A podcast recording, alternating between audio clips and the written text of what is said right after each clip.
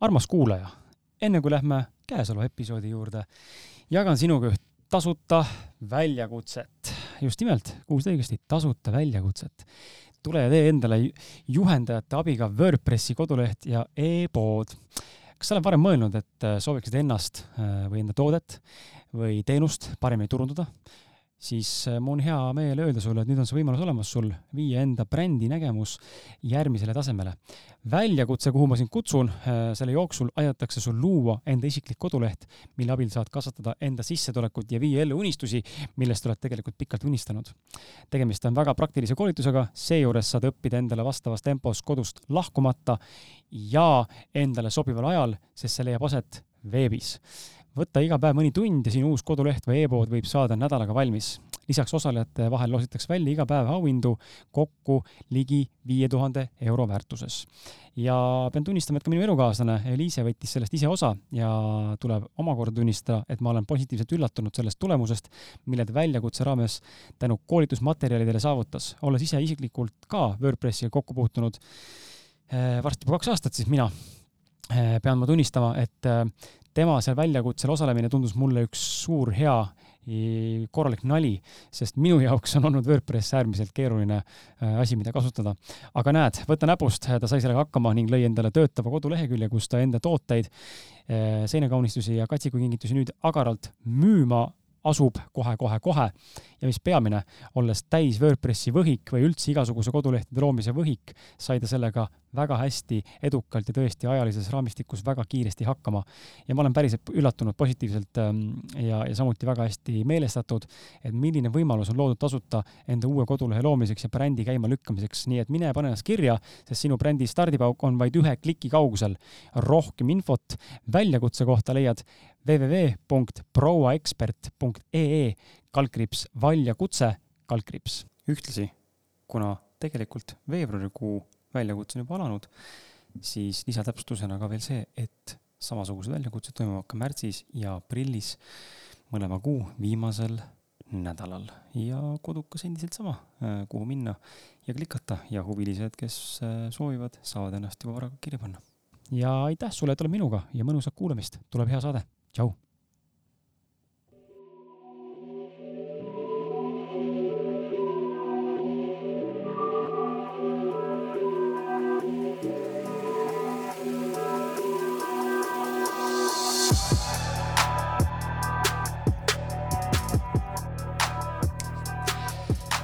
No nii, tere tulemast, tere tulemast äh, järjekordsesse äh, Kris Kala podcasti. mina olen loomulikult Kris ja ja tervitan sind, käes on episood, ma ei tea numbrit, kakssada viiskümmend neli on mul siin paberil kirjas, aga ma juba tean, et see on vale. vahepeal jõudsin salvestada paar episoodi ka, võib-olla on kakssada viiskümmend seitse ja kakssada viiskümmend kuus, tegelikult pole üldse vahet, liigume vaikselt kolmesaja suunas, tegelikult oleks ammu täis, kui poleks seda aastapikkust pausi tulnud. sellest võib-olla sinuga, Laura, räägime ka, kuidas üldse mm, oma teekonnal pausi võtta või kuidas suhtuda sellesse, kui elu sunnib sind valdkonda vahetama? Või noh, sundima võib-olla vale, aga tekib see nii-öelda siis mingisugune väljapoolt mõjutussuund, muutma suunda ja valima midagi uut ja kuidas loobuda vanast, aga aga tõepoolest, täna ma ei ole üksinda, täna on mul külas siis äh, siin stuudios äh, Laura Valk, tšau! tere! Äh, rõõm, sest et täna on sõbrapäev, nii et head sõbrapäeva ka sulle, tagantjärgi sina küll näed seda nüüd äh, peaaegu nädal aega hiljem, kui sõbrapäev tegelikult oli, nii et ma loodan, et sul oli fantastiline sõbrapäev, sest meil on siin äh, ma arvan, et tuleb väga põnev ja mõnus jutuajamine ja õues on päikeseline ilm, seda küll me siin hetkel stuudios ei näe Äh, aga, aga sellegipoolest äh, võime ette kujutada, et me just olime õues. aga jaa, ja tänases saates siis võtame ette sellised huvitavad teemad, et äh, ma olen eelnevalt siin saates rääkinud päris palju nüüd toitumisest, viimase nelja-viie episoodi jooksul vist on kuidagi läinud niimoodi, et kõik on kuidagi seotud toitumise tervisega. täna me sellest ei räägi. võib-olla põgusalt, aga, aga mitte üldiselt, et täna tegelikult räägime Laura teekonnast, ütleme siis inimesena, indiviidina, naisena, emana ja, ja kindlasti ka terapeudina mm, seda viimast eriti puudutades, sest sellega on päris palju vastuolulist informatsiooni viimase aja üles kerkinud nii sotsiaalmeedias kui ka ütleme siis klassikalises äh, meedias. Ja, ja huvitav oleks lihtsalt kuulda. Ja saan ka mina jagada omapoolset äh, nägemust, äh, arvamust, arusaama või, või mingeid mõtteid, et ja loomulikult ka teie, kui te tahate saate ajal kommenteerida või, või kuskile pärast seda kirjutada, siis olge head, tehke, et üks asi, mis ma palun kindlasti kohe ära, on see, et kui vähegi on äh, viitsimist, tahtmist ja soovi ähm, ja ma tõesti loodan, et seda on, äh, siis äh, jagage saadet mõne inimesega, kellele võis, võiks sellest abi olla, et ühe inimesega jagamine ei võta tükki küljest. tore oleks, kui teete seda kümnega või veel rohkem, aga, aga vähemalt ühe inimese võiks tuua küll siia saatesse, et see on algusest peale minu podcast'i ütleme, teekonna alguspunkt olnud, et alati palun vähemalt ühe uue inimese tuua mulle siia kuulama. läbi selle saan mina enda sõnumit levitada ja tegelikult ka meie külalised, kellel on äh, väga olulisi asju rääkida, nii et ähm, jaa, anna oma panus. aga, ja raamatust me jõuame ka täna rääkida, mis siin laual ilutseb. Ähm, mina lugesin läbi äh, läks kiiresti. Äh, ma kiidan sind selles mõttes, et ähm, ikkagi olles isegi kirjanik, eks ole ju mm. -hmm. et siis ma kiidan sind, äh, aga ei, tegelikult on äh, väga lihtne lugemine, et kes veel lugenud ei ole, hmm, ma soovitan just sellepärast, et ta on lihtne. kui ma peaksin võrdlema ja ma teen seda nüüd äh, teadlikult, kui ma võrdlen sinu ja Ants Rootslase raamatut, te olete mõlemad sama kirjastuse alt tegelikult välja antud, ähm, paratamatult huvitav fakt, sellest jõuame rääkida ka, miks see Jesperiga kõik on juhtunud. aga äh, kui ma peaksin teid võrdlema äh, just nagu selles stiilis, kuidas raamat on üles ehitatud ja just äh, puudutades siis mitte enda isiklikku lugu nii väga, sest Ants räägib enda oma teemadest natukene vähem, ta läheb rohkem ütleme, süvitisi mingitesse terminitesse ja perekonstellatsioonidesse ja muudesse asjadesse, dünaamikatesse, aga just see kirjelduse pool, pool, mida terapeut nagu näeb ja kui ta kirjeldab neid protsesse või üldse inimese, inimeseks olemise mingit psüühikirjeldust või mingit käitumismustrit, lahti mõtestamist, mida sina väga palju seal teed läbi enda kogemuse ja enda elu näite pealt, siis ähm, sinu oma on lihtsam lugeda. et noh, ma ei, on see hea või halb, õige või vale, ma arvan, et ei ole mitte kumbki, aga lihtsalt äh,, lihtsalt nii-öelda siis faktipõhiselt teda oli lihtsam lugeda Äh, mitte, et teema oleks mulle väga võõras, aga ta oli lihtsamini loetavam, ma mõistsin mõningaid asju äh, paremini kui näiteks Antsu puhul või mõne muu sarnase siis kirjutatud raamatu pealt, kus on väga palju uut terminoloogiat või uut mõtlemist või uut mingit psühholoogilist lähenemist.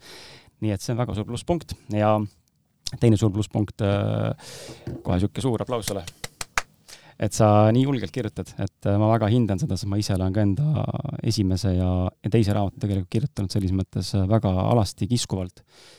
Ja, ja ma tean, mis tunne see on, kui seda kirjutad, aga see on üks asi, aga välja tulemise hetkel on hoopis teine tunne, sest et siis on see koht, kus inimesed hakkavad seda lugema ja saavad tunda seda, kas nad resoneeruvad, samastuvad või hoopis vaatavad, issand jumal, lihtsalt äh, mismoodi see inimene mõtleb või kes ta üldse on või kelleks ta ennast peab et äh, julge samm, ähm, kui keegi tahab enesearengu teekonnal teha järgmist äh, sammu, järgmist hüpet, siis kaks viisi on selleks, kirjuta raamat kas iseendale või kõigile lugemiseks või blogi võib ka olla, või alusta podcast'i. Et seda ma ütlen alati, alusta podcast'i, see on tohutu enesearengu tee, mitte ainult iseenda reflekteerimiseks äh, või mõtestamiseks, vaid ka puhtalt selle pealt, et ma loon uusi sidemeid, ma õpin uusi inimesi tundma. Ähm, ja mul lihtsalt avanevad uued võimalused elus, nii et ähm, jaa, niisugune sissejuhatus siia. Äh, kas sa tahad midagi enne öelda ka, kui me lähme saate küsimuse esimese juurde või sa tahad, ma tulistan su esimese küsimuse kohe? mulle meeldib ähm, kuna ma olen sinu podcast'i ju kuulanud, sest sa oled ikkagi legend. legend, legend.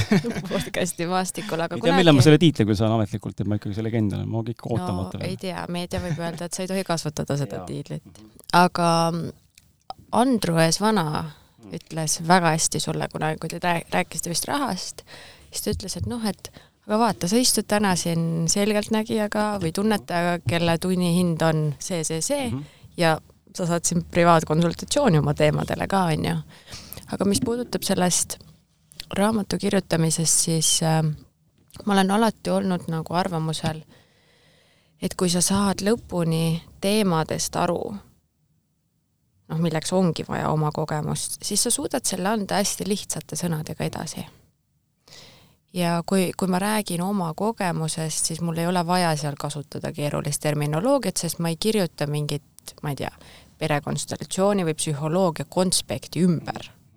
see on nagu, läheb juba sinna koolitöö valdkonda. aga see, kui see tuleb sees, siis me olemegi inimesed ja sisu ju ongi lihtne.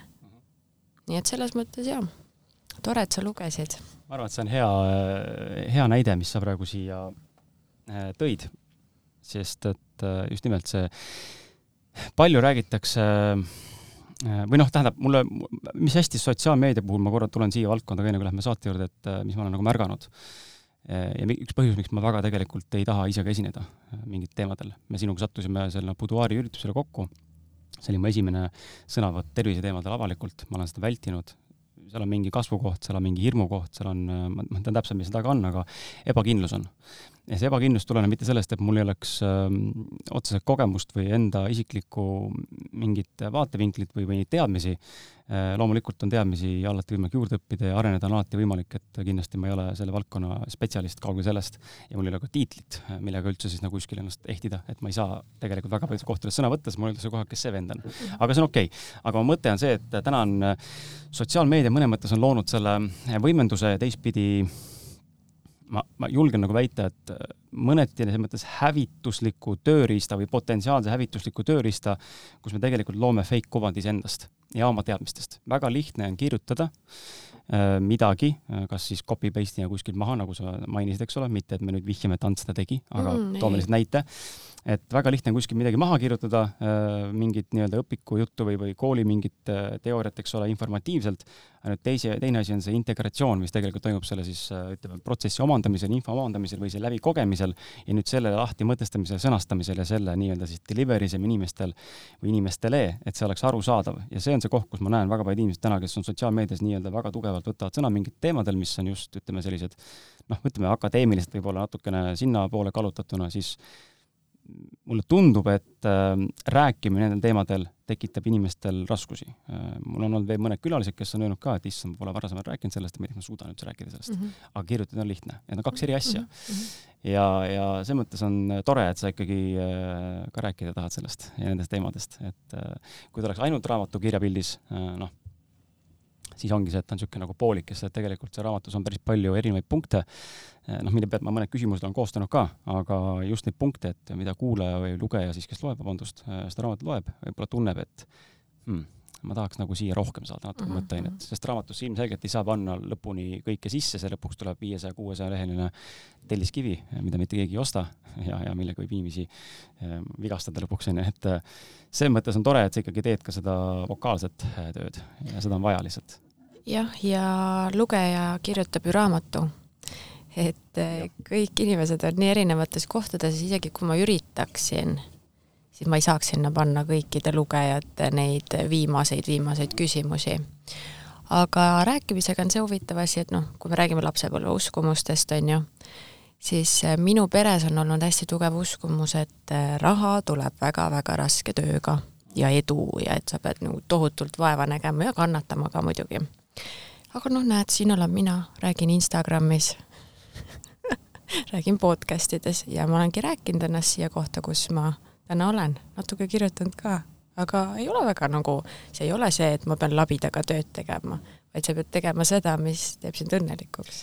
Tuleme selle teema korraks siia, sest et ma sulle mainisin ka, mul on see endiselt, ma näen eh, unresolved mystery on see raha teema.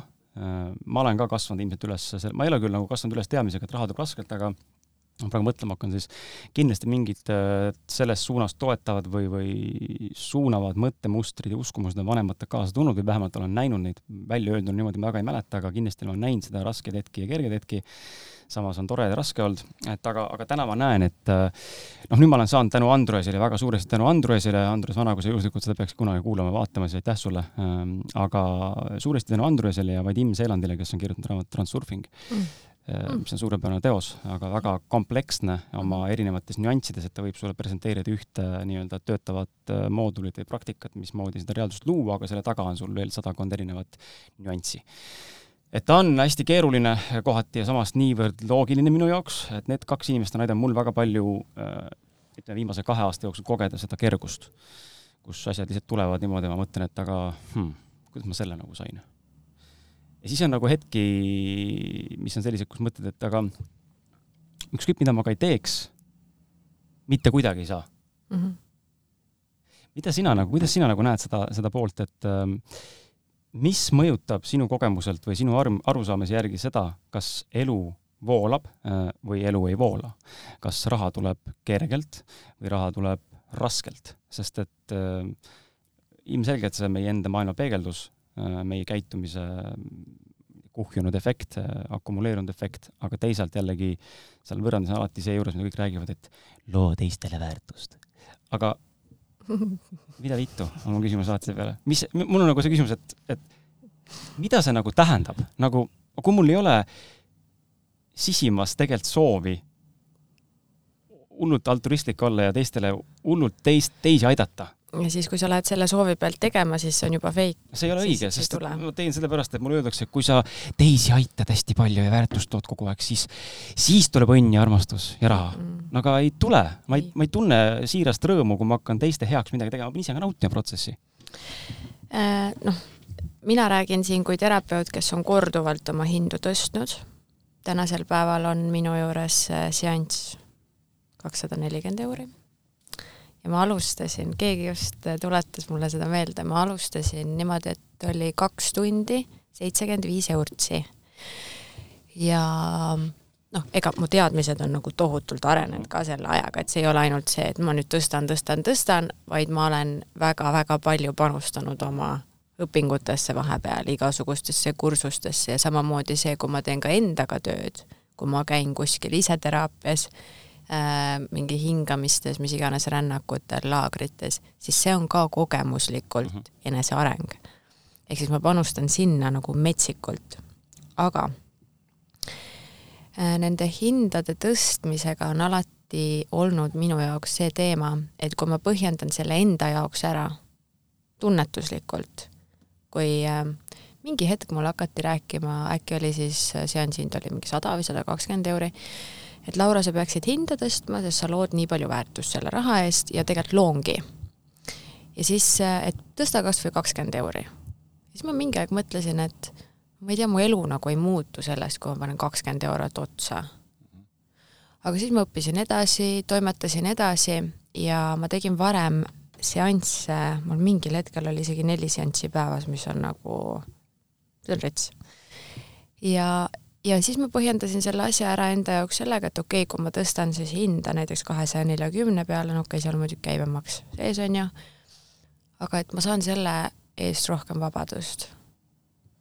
kuigi küsimus ei ole minu jaoks olnud rahas, aga siis ma põhjendasin endale ära, kuna mulle väga meeldib tööd teha, siis ma põhjendasin endale ära, et Laura, okei okay,, sa ei pea siis nii palju tööd tegema, kui sa küsid rohkem raha, aga noh, tegelikult mulle meeldib minu arvates ja minu kogemuslikult on seal taga alati ka eneseväärtustamise koht. ja see teistele väärtuse loomine, no ma loon väga palju väärtust, aga ma lähen tööle sellepärast, et inimesi aidata, aga eelkõige ma lähen tööle sellepärast, et mulle meeldib mu töö. kui ma teeksin seda ainult, et aga ma ju siin, ma ei tea, päästan maailma, noh, siis, siis kuidagi ma annan oma väe sellega ära see ei ole jätkusuutlik? see ei ole jätkusuutlik, sest mul viskab lõpuks kopa ette, noh, kuna see tekitab alateadlikult meis ju viha, see, et ma jälle annan endast midagi. aga mina lähen tööle sellise tundega, et issand, kui lahe, et noh, lahe kõlab muidugi imelikult, lähme inimesed traumadega tegelema, onju. aga see, et see on nii huvitav, see, mis need mustrid sealt alateadvusest välja tulevad, peresüsteemist, see, kuidas need asjad saavad lõpuks lahendatud ja see, mis näoga inimesed ära lähevad mu juures, see on nagu ah, see on nii lahe, eelmisel nädalal käis mul üks tütar, siis äh, nüüd ta saatis oma ema ka hmm. ja mõlemad läksid noh, sellise kergusega ära ja, ja see on ilus. ja see annab ka mulle motivatsiooni. mitte sellepärast, et ma olen siis, mõtlen, et ma olen nii suur heategija, vaid sellepärast, et see on huvitav. Hmm. ja ühel päeval, kui see enam ei ole mu jaoks huvitav, miks ma hästi palju ka võtan erinevates kohtades, kui ma taipan mingid kohad läbi, siis ma ka hakkan seda kohe seansil rakendama. sest minu jaoks on see ka kasvukoht, see on huvitav, kui ma teeksin oma seanssi näiteks samamoodi, nagu ma tegin siis, kui ma alustasin, no mingeid neid lauseid ütleksin samamoodi, ma juba ammu ei viitsiks seda teha. aga et ma näen endal nagu, esiteks see huvitab mind ja teiseks ma näen ka kasvukohta Eh, selles, et siin on võimalik nagu veel areneda. ja siis ongi see, et okei okay,, kui me teeme seda asja sedapidi, mis need tulemused siis on? ja ah, rahaga seoses veel äh,, mida ma panin tähele, ilmselt see ei ole minu mõte, ma arvan, et ma olen seda kuskilt kuulsin äh, hiljem, varem, hiljem, hiljem, varem, aga kui ma tõstsin oma seansi hinna selleks, mis ta on täna, teraapiaseansside tulemused on nii palju paremad. aga tead, seal on väga loogiline seletus ka. sest inimene tuleb just. väga palju rohkem investeerituna. ja ta panustab sinna rohkem, tõsisemalt. ja mulle meeldib niimoodi. -hmm. ja see on samamoodi ka see, et noh, näiteks kui mul on ka vestlusõhtud, mingid esinemised ja seal ongi mingi tasu. ja kui noh, kui mulle öeldakse, on ju, et ma ei tea, et see on liig, siis ma ütlengi, et noh, aga siis on liig, sest ma tunnen ka, et ma tahan ka kvaliteeti luua -hmm. aga ma tahan ka, et korralduslikult oleks ka teiselt poolt kvaliteet. -hmm. et mulle, mind on kutsutud mingitele üritustele, kunagi oli vist mingi naiste mingi, ka mingi enesearmastuse mingi teemal, mingid korraldajad tegid midagi -hmm. et Laura, tule esinema siis ma ütlesin oma hinna, noh, see hind sellel ajal oli äkki, ma ütlesin neile mingi seminaris äkki kolm sotti või no midagi niisugust, mis ei ole palju nagu, ma ei küsinud kolm tuhat eurot. ja siis nad ütlesid, et aa, et meil tegelikult eelarve puudub selle jaoks, et tule tee tasuta, et me teeme sulle promo. siis ma vastasin, mul promo ei ole täna vaja. promo ei too leiba lauale. just. aga kui ma tulen naistele rääkima eneseväärtustamisest ja ma teen seda niimoodi, et mul samal ajal auto pargib, lapsed on lapsehoidjaga, kõik kulud nagu jooksevad ja ma tulen, räägin siin, kuidas ma ennast nii väga väärtustan ja oma aega, noh, siis sorry, aga ma tulen valetama inimestele. see on vastuoluline. see on väga vastuoluline ja ma ei ole nagu mingi MTÜ Laura Valk oh, raha teema. ma kusjuures väga rahast ei ole rääkinud kuskil. aga miks, huvitav? kas pole küsitud või sa ei taha sellest rääkida? Pole küsitud, aga nüüd Eesti Ekspress äh, küsis minu käest, aga nad ei ole veel kirjutanud sellest. Äh, küsiti, et Laura, kui sa olid üheksateistaastane, siis kuidas sa said reisida Balile, kuidas sa saad reisida Mehhikosse, ma käisin igal pool mm. -hmm. siis ma nagu vastasin, ütlesin, et kuule, mehed maksid ju mis küsimus see üldse on, ma ei ole ainus selline nagu naine, et kirjuta artikkel mingist nagu normaalsest teemast, palun lähme asjakohaste asjade juurde, et see ei puuduta ju seda, kes Laura Valk on täna. muidugi maksid mehed ja me oleme alati väga aus olnud. inimesi huvitavad ikka vahepeal siuksed huvitavad asjad, et äh, jah, hea, et keegi ei küsi, ma ei tea, kuidas sa perset pühid või. aga meestelt, meestelt ei küsita. meestelt ei küsita. et kust sa said raha. et minna, minna, minna sinna või teha, osta endale Lambo ja. või Porsche, et seda ei küsita, küsitakse naistelt Mhm. ja see on hästi huvitav ja ma pean tunnistama, et see on tõesti hästi huvitav, et äh, ma olen mehena, ma julgen arvata, et ma olen mehena võrdlemisi, ma pean silmas just naiste suhtes, võrdlemisi tolerantne, äh, mõistev, äh, hooliv, austav ja nii edasi, aga ka minus mhm. on teatavad sisse kodeeritud ma ei teagi, eelarvamused, mhm. noh, hea, kõige parem näide alati ongi see, mis tuleb esile, ma ise märkan seda kõrvalt kogu aeg ja püüan seda enda jaoks protsessida, siis täna on see juba arusaadavam, siis ma saan aru tegelikult, et ma ei tea tegelikult mitte midagi, mis tegelikult taustal toimub, see on mingi eelarvamus mm. -hmm. aga kui ma näen naist sõitmas hea autoga, mida enamus mehed arvavad? palju imendan palju imenud ilmselt, just. aga mul tuleb ka seesama asi. mul oli kunagi elukaaslane, kes ütles alati, kui mingi naine sõitis Porschega, see oli seesama elukaaslane, keda sa tead ka, onju, siis ta alati ütles, oi, mõtle, palju ta on imenud ja mul, mul tuleb, ma sõidan ka normaalse autoga, noh, selles mõttes, aga ja ise sebisin. mul oli alati, tead, tead, kuidas manifesteerimine toimib nii, ma kuulan, kõik kuulavad, väga-väga kõrvad kikkis, nii. kui ma tegin endale autojuhiload ära, siis ma unistasin endale mustast Mercedesest mm. -hmm. ja unistasin, mõtlesin, et mul on vaja issand, kui piinlik. isegi mingid aastad tagasi, kui ma panin neid eesmärke paberile, manifesteerisin väga tohutult, siis võib-olla mu karjäär on läbi täna ka, aga siis ma manifesteerisin endale autot, sedasama Mercedest onju, noh, mis sellel hetkel ei olnud veel välja tulnud mm, -hmm. mis mul täna on, aga C-klassi Mersu mm. -hmm. siis mingeid kodusid ja asju aga ma manifesteerisin alati neid läbi selle, et mul on vaja meest, kes mulle need mm. asjad äh, võimaldab. et ma unistasin nagu tunnetasin, oi, ma istun seal mersus, aga et mul on mingi mees, kes mulle need asjad siis mhm. sebib. aga võtsin jalad äh, perse alt välja ja nüüd olen kõik ise sebinud endale. aga see ei ole ka vale, vaata, see on see koht, et ähm, inimmõistus on, äh, mulle tundub, et niivõrd, oota kui huvitav, me oleme varsti juba pool saadet on läbi. kakskümmend viis minti vestleme, pole ühegi küsimuse jõudnud. Äh, aga, aga seda juhtub mõnikord, see on väga tore tegelikult, sest et meil omavaheline dünaamika töötab ja kõik on tore. Äh, huvitav lihtsalt inimpsüühika juures see või inimese, inimese olemise juures on see, et ja seda on mulle õpetanud jälle Andrus ja, ja ütleme siis Vadim oma raamatuga, see võimalikkuste ressurss on lõputu aga me mõistuses tahame lihtsalt, suudame ette kujutada seda, mis juba on nii-öelda olemas, ehk siis vana nii-öelda tekitada endale, et kui mina näen noh, piltlikult öeldes sinu jaoks oli siis see, et ainuke viis, kuidas saada neid asju, on see, et sul läbi on mehe. läbi mehe just, just., tegelikult neid variante on veel, eks ole, mida Mhm. sa täna ise, tol hetkel ei teadnud, aga täna sa nagu näed, onju. aga tol hetkel ainuke viis on see, et läbi mehe, mis on hästi piiratud, niivõrd piiratud mõtlemine ja teeb teist, teist korda, mõnes mõttes on see nagu tore, kui inimesel on nagu nii fixated äh, arusaam, et ühtepidi see on nagu väga kindel siht, mille suunas liikuda, kuidas mm -hmm. seda Mhm. saavutada, sa tead täpselt, mis tuleb vaja, sa pead leidma lihtsalt mehe, kellel seal on palju pappi piltlikult öeldes. aga Okei, otsisingi just. ja käisingi ja just otsisin., just, aga, aga ja teine pool on see, et sa võid ennast väga nurka mängida, jäädeski seda otsima ja jääd kinni sinna nii-öelda, sest sa tegelikult noh, sulged ennast üleni ära teistele võimalustele, sest et sinul on ainu, ainult arusaam see, et ain-, ainult nii saab. ja ma ise täna kogen sama asja, et mm, noh, täna on äh, finantsiliselt natuke raskem äh, võib-olla kui eelmise aasta alguses mul oli.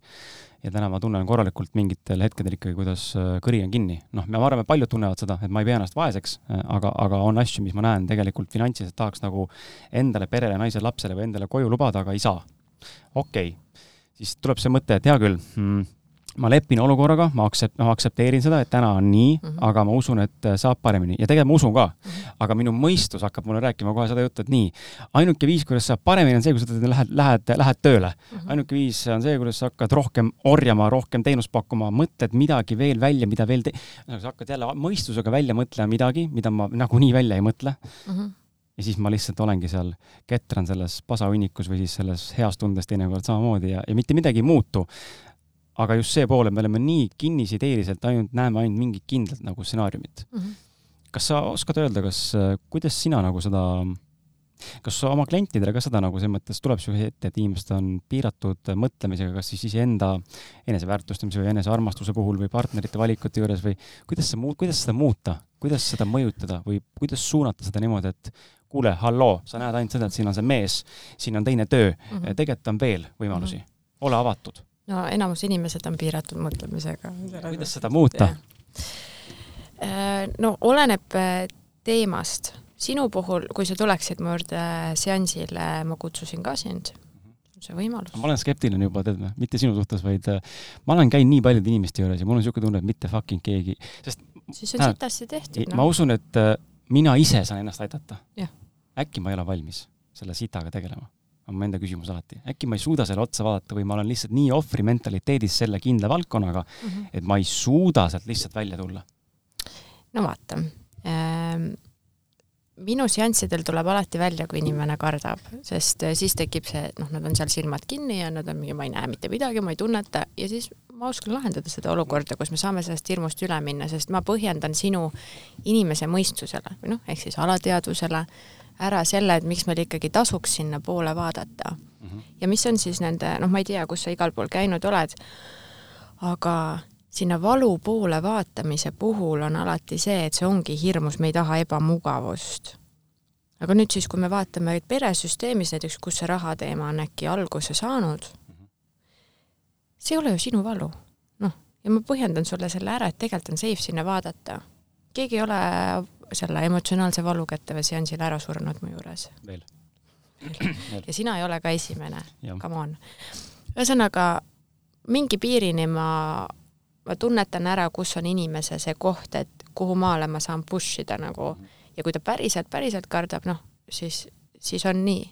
paar inimest kogu selle aja jooksul ma olen nagu öelnud, et tead, et ma tunnen, et sa ei ole valmis.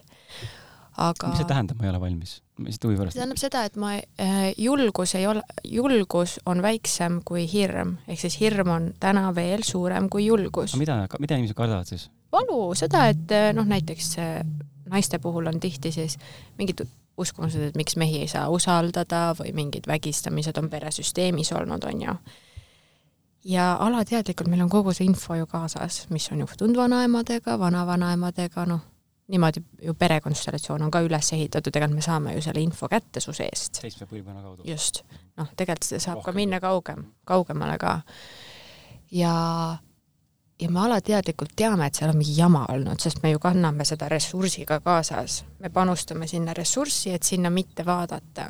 noh, aga tegelikult see on lihtsalt üks sündmus, mis ei ole sinu sündmus, sind ei vägistatud ju ja piisab ka sellest, kui me saame sellest teadlikuks, siis see pinge seal saab lahustuda. nii et mõtle, kui palju, noh, kui sul näiteks oleks mingi teema. ja neid on. ja neid on, siis äh, mõtle, kui palju ressurssi sa kulutad selle peale, kui palju sa mõtled oma rahateemadest. ja nüüd, kui see teema saaks lahendatud, sa saaksid energiat kasutada päriselt selleks, et tööle minna näiteks või noh, et teha, et teha midagi, vaata. või siis, et oma naist kodus armastada, noh mm -hmm ja olla isa. ja tead, palju ma mõtlen selle peale või?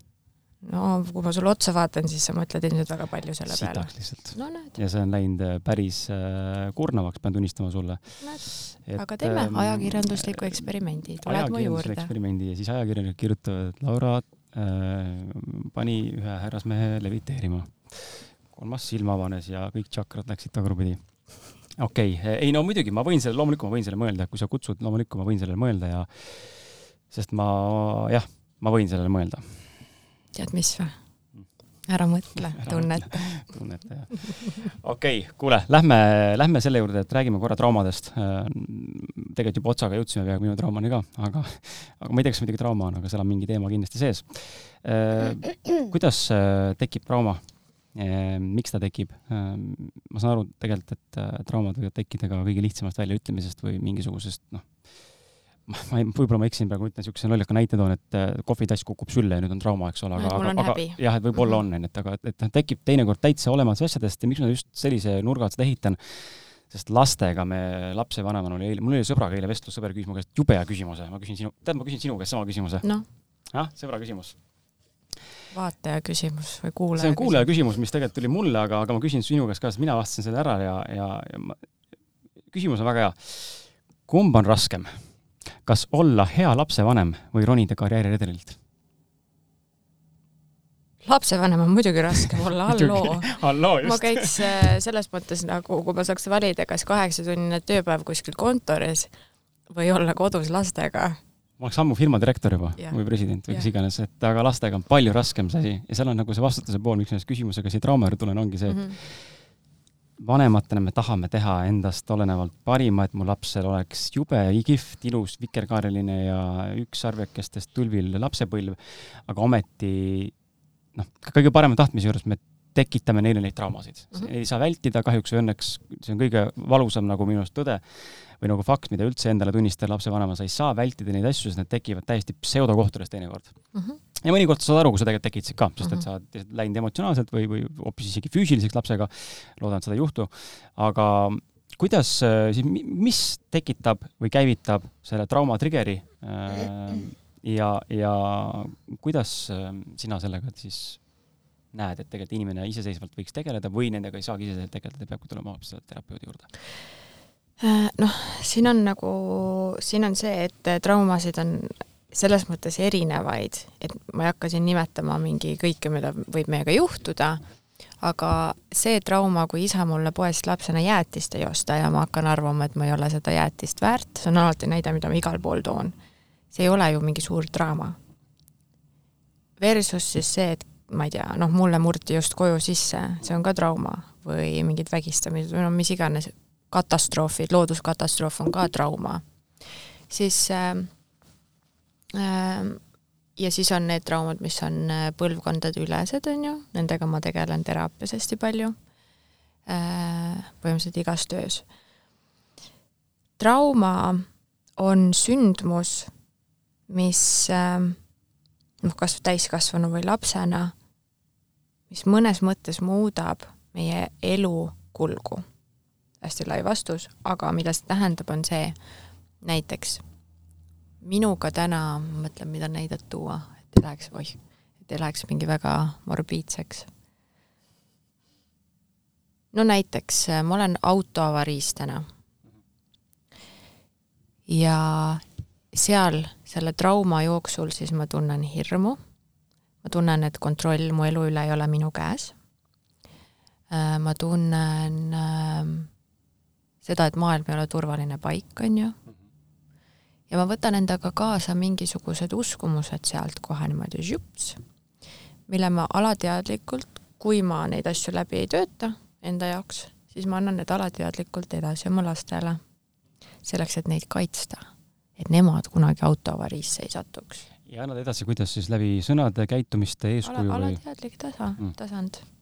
sest noh, näiteks kuidas me klientidega vaatame, ega nad ei tea ju, et nende viienda põlve vanaema on vägistatud sõdurite poolt. ja tihti, tihti me ei tea ka seda, mis meie emadega on juhtunud. aga need näiteks ohver, agressor dünaamikad, need panevad täiesti alateadlikult. Versus siis mingid noh, need lapsepõlve uskumused on ju, see on see sisemise lapsega töö ongi siis see, et eh, noh, näiteks kuna sa küsisid lapsevanemaks olemise vaatevinklist, siis lastena on meil hästi piiratud äh, nägemine või mõistmine. Nad on lapsed, nad arenevad alles ja see noh, näiteks, et kui sina ütled, et ma pean tööle minema, laps ütleb, issi, ära mine, ma tahan sinuga olla, siis tema ei näe, et sa teed seda tegelikult armastusest tema vastu, tema mõtleb, et isa ei ole minuga, sellepärast et asi on minus, hästi egotsentriline. nüüd siis, kuidas neid asju vältida? lõpuni ei saagi. Sest äh, no näiteks üks mu sõbranna, kes on ka, teeb ka mingeid seansse, ta ütles, et tal tuli kuskilt tööga alateadvusest välja, et tal oli mingi megasuur eneseväärtustamise teema. Ja see oli tulnud sealt, et tema toas, kui ta oli mingi täitsa laps, oli ülirõve, mingi sihuke okseroheline sein. ja siis ta magas seal seina ääres, vaatas seda seina ja temal tekkis sealt alateadlik uskumus, et kui mu vanemad mind päriselt armastaksid, siis see sein ei oleks okseroheline. noh, et, et me räägime siin nagu, traumad on need mingid väga hullud asjad, mis võivad juhtuda, aga trauma on ka see, et mul on okseroheline sein. Ja seda ei saa, noh, seda ei saa ennetada. Mida sa saad teha, on see, et olla ise võimalikult õnnelik, võimalik normaalne inimene, aga inimestena me ju nagu noh, neil on vaja ka areneda, nad tulid ka mingeid kogemusi saama siia. mul on äh, emana, mida ma olen pidanud endale korduvalt meelde tuletama, on see, et äh, et minu lapsed tulid ka saama kogemusi, jah, nad võivad olla mingid valguslapsed ja mingid no mis iganes, aga nad kehastusid inimeseks siia praegu ja ma ei saa eeldada, et noh, et kuna mulle mingi kanaldaja ütles, et mul on valguslapsed. Nad on mingid äh, ufod kuskilt teiselt planeedilt või teiselt no just, et ja võib-olla ongi mhm. selles mõttes, aga nad tulidki, nad tahtsidki tulla siia nii-öelda noh, ei hakka koledalt ütlema, tullagi siia kaosse, kaosesse ja tullagi täpselt nende vanemate juurde kes äh, võib-olla ei oskagi aimata, mis värvi seina see laps tahaks või no mis iganes. Mhm, mhm. et see on ka olnud kasvukoht, sest näiteks minu noh, kui küsitakse, et miks ma olen terapeut, lihtsam vastus on see, et mulle meeldib, aga pikem vastus on see, et ma tunnen, et see on see minu hingetee või see on minu missioon, mida ma tulin siia tegema. nüüd siis, kui ma ei oleks saanud peksa, kui mu lapsepõlv oleks olnud perfektne, ma oleks täna never terapeut noh, et Ants Rootslane ütles mingites oma story des või, et ta ei tea mitte ühtegi enesearmastusega tegelevat äh, õpetajat, kellel oleks peresüsteemis kõik väga hästi. no tal endal ka ei ole. meil kellelgi ei ole, sellepärast sa oledki läinud sinna kohta. mitte ükski psühholoog ei, ei hakka näiteks, ei lähe õppima Tartu Ülikooli sellepärast, et ta peres oleks kõik hästi. tihti ka nagu pol-, need, kes lähevad politseinikuks, on kogenud väga suurt ebaõiglust kes lähevad õppima juurat, samamoodi mingi asi varem süsteemis on olnud teistpidi kaldu ja nad lähevad nagu seda fix ima, on ju. Et äh, tänu nende kogemustele, tänu sellele, et minu peresüsteemist ma ei saanudki armastust, nii nagu mina seda lapsena vajasin, ja seal ongi olnud mõlemal pool räigelt mingeid teemasid ja traumasid, tänu sellele ma olen siin. kas see on üks äh segan vahele, kas see on üks viis, kuidas, lihtsalt praegu korraks pähe, et äh, kuidas vaadata neid äh, vastupidi, risti-rästi nii-öelda teekondasid, et need, kes siis lähevad õppima juurat, on või politseinikuks tulnud, on tundnud ebaõiglust, eks oma elus kuskil varasemalt või varasemalt generatsioonides või, või keegi, kes läheb õppima meditsiini, siis üldiselt neil on keegi pereliige väga haige ära surnud või endal terviseprobleem olnud või süsteemis olnud mm. -hmm. et kas see, need näited, mis me praegu siin tõime sinuga, kas seda võib, võib või võiks kasutada mõnes mõttes väikse guideline või sellise abistava käena või valgustava nii-öelda siis teena või, või mis iganes viisil, et see, kus mul tegelikult täna huvi on, on vastand siis tegelikult minu valukohale või traumale või mm.?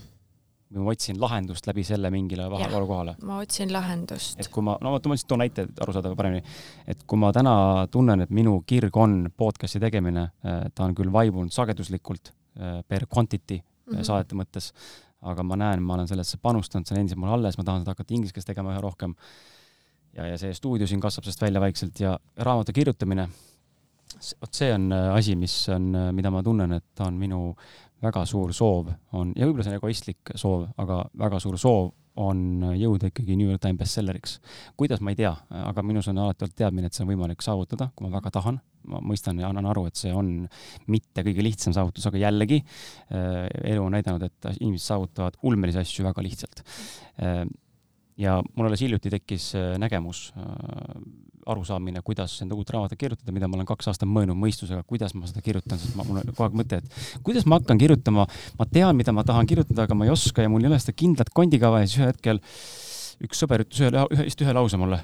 Ja mul oli see, et holy shit siin on see vastus, ma tean nüüd. et äh, kuidas seda nagu ära tabada või, või kas seda saab niimoodi võtta, et, et kui minu, ütleme minu, minu näitena praegu tuues sulle ongi raamatu kirjutamine ja podcast, et inimesele maalida paremat ettekujutust, mis see siis nagu vastupidi, mida ma üritan siis nagu lahendada? mida me siin teeme? hääl, eneseväljendus, see, et minu sõna leviks ehk siis ma sul on see vastus alateadvuses olemas, me võime seda ka vaadata, kui sa tahad. No. aga lihtsalt ongi see, et ega see ei ole ka halb asi, see on see, et, et äh, noh, minul samamoodi, näiteks noh, ma käisin kunagi Antsu juures teraapias, hullult hästi aitas. Ähm, mis minult seal välja tuli, mida nagu tema tunnetas, oli see, no see, see on väga hea näide praegu täpselt mm -hmm. seesamasse teemasse et minul oli siis naisliini pidi viiendas põlves oli vanavanaema ema. ta tegi seal mingit igast jama nagu selles mõttes, et erinevatest töödest on välja tulnud igast asju tema kohta. Aga tema, teda muuhulgas siis ka sõdurid grupiviisiliselt vägistasid ja tema hakkas sealt tohutult mehi vihkama nagu tohutult. niimoodi, et ta ei olnudki suutnud justkui sinna teispoolsusesse minna ära vaid kui me hakkasime seal konstellatsiooni välja peal neid asju tervendama, noh, Ants tunnetab ju neid asju, on ju, siis ta tuli ja ta hakkas nagu, et mingi, mis asja te siin teete minu seadusi ümber, on ju, ja siis Ants seal tegi midagi, ma ei tea, mida. Aga peale seda see teema lahenes ära. aga mis seal oli, oli see, et Ants ütles, et näiteks mina tulin siis naisi ma ei tea, tervendama või noh, tegelikult ka veidi päästma, mitte selle nagu halvas tähenduses, aga ma tulin naisi aitama sest minu peresüsteemis on naisi, keda ei saanud aidata. justkui ja ka see hääl ja vägi, vägistamine tuleb ju vägi sõnast, on ju, see on see, et sa võtad naiselt väe ära, siis no nüüd ma tulin ja võtsin oma väe nagu täiega tagasi kõikide teiste eest ka. et ja sealt noh, tema otsustas, et ta vihkab mehi, see viha meeste vastu käis põlvkondade viisi edasi ja läbi Äh, noh, tema oli siis ohver seal, on ju. kui ta on ohver, ta hakkas vihkama, temast sai agressor ja kõik naised mu põlvkonnas on olnud agressorid meeste suhtes, ohvrid ka, aga eh, minu need mingid vägivaldsed ja niisugused haiged suhted, see oli puhtalt see teema. see, et esiteks ma läksin sinna dünaamikasse sellega, et ma olen meeste ohver, samal ajal ma vihkasin mehi, ma tahtsin karistada neid selle eest, mida nad on teinud mulle, mu emale, vanaemale ja sellele viienda põlve vanaemale ja niimoodi see teineteisele andmine käis. ja sellepärast ma ka ütlen, et need mm, et mõnes mõttes need naised, kes äh, vägivalda kannatavad, on ohvrid, aga, aga seal on alati see agressori koht ka olemas või see koht, mida sa saad sealt, nii-öelda see hüve.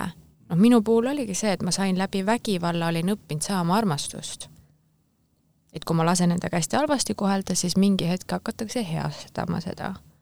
näiteks lillede ja mingi noh, eriliste kaisutustega, sest mul oli defitsiit nii suur. Aga seda saab vaadata jah, selle kaudu. sinul on ka väeteema. Äh, Ants ütles mulle, mul lihtsalt tuleb praegu meelde ja toon selle näite sisse siia, sest et see läheb kokku sellega, et inimene, inimesel, ma arvan, huvitab praegu unustan kaamerat switch ida, vabandust eh,. luban, et varsti on automatism. et inimestel on äh, huvitav jälgida, sest et me võib-olla mingil määral nagu näitame, kuidas need teraapiad ja, ja erinevad viisid nagu töötavad, aga ta ütles mulle kunagi sellist asja eh,, ma olen paar korda tantsu juures käinud, elukaaslane ka eh,. ta ütles, ütles siukest asja mulle, et mul on perekonnas täna siuke seis, et tohutult häirib inimesi see, kui ma olen pildis ja võtan sõna avalikult podcast'is mingite pereteemadel või kirjutan sellest tohutult häirib, nagu mul on väga suured tülid enda isaga just eriti.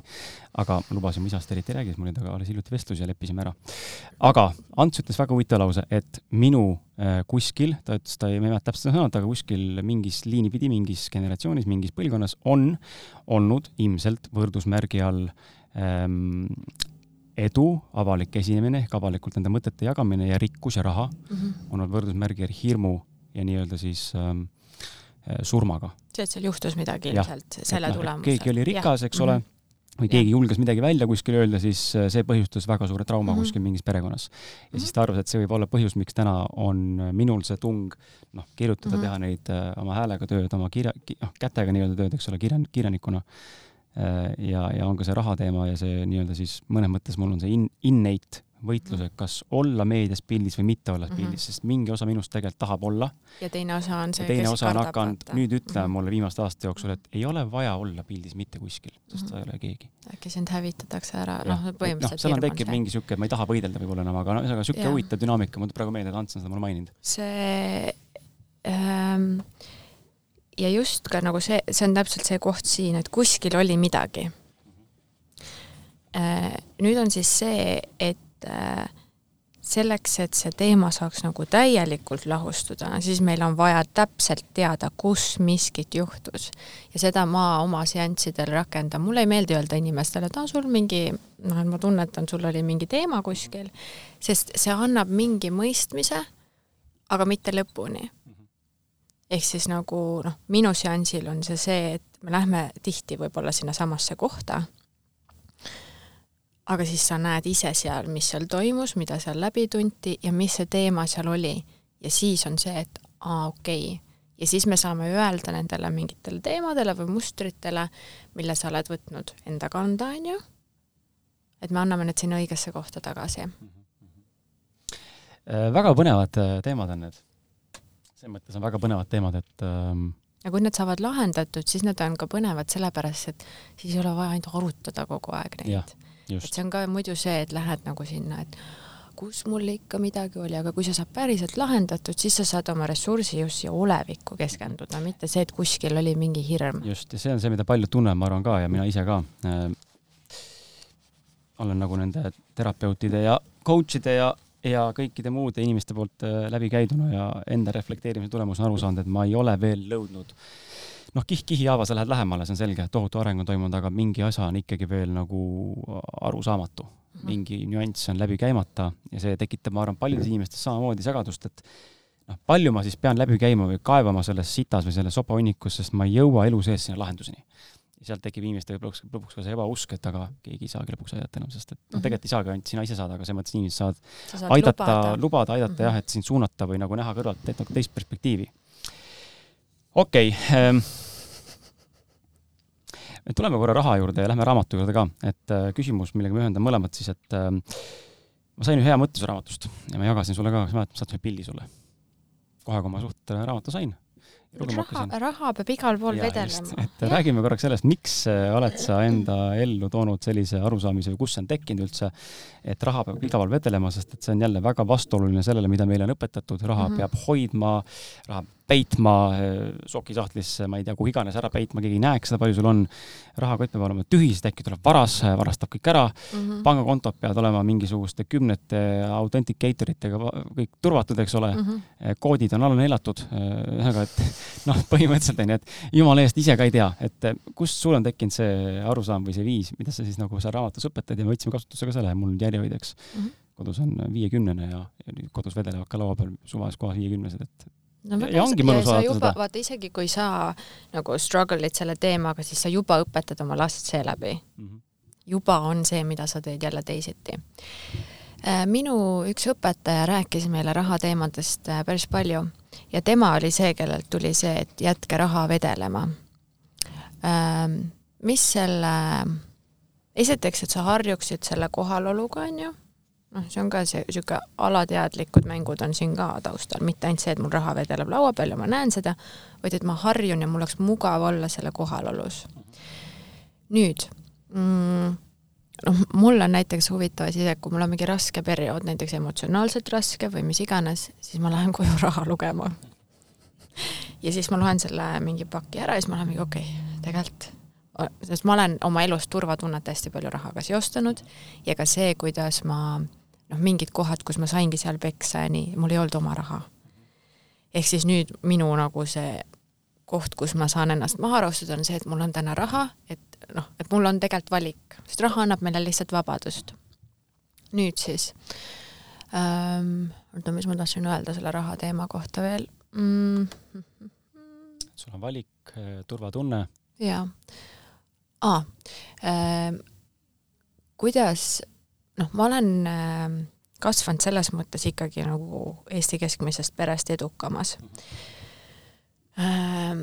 olen olnud ümbritsetud ettevõtjatega ja nii edasi, ehk siis minu elustandard, kus ju selles mõttes on olnud alati see, et ma tahangi elada näiteks majas, ma tahangi, et oleks ilus auto, kõik need asjad, aga seal olid mingid need switch'id, on ju, mis oli vaja ära teha, et neid asju ei pea saama läbi vägivalla või see, et ma pean kannatama, et mul oleks auto maja ees.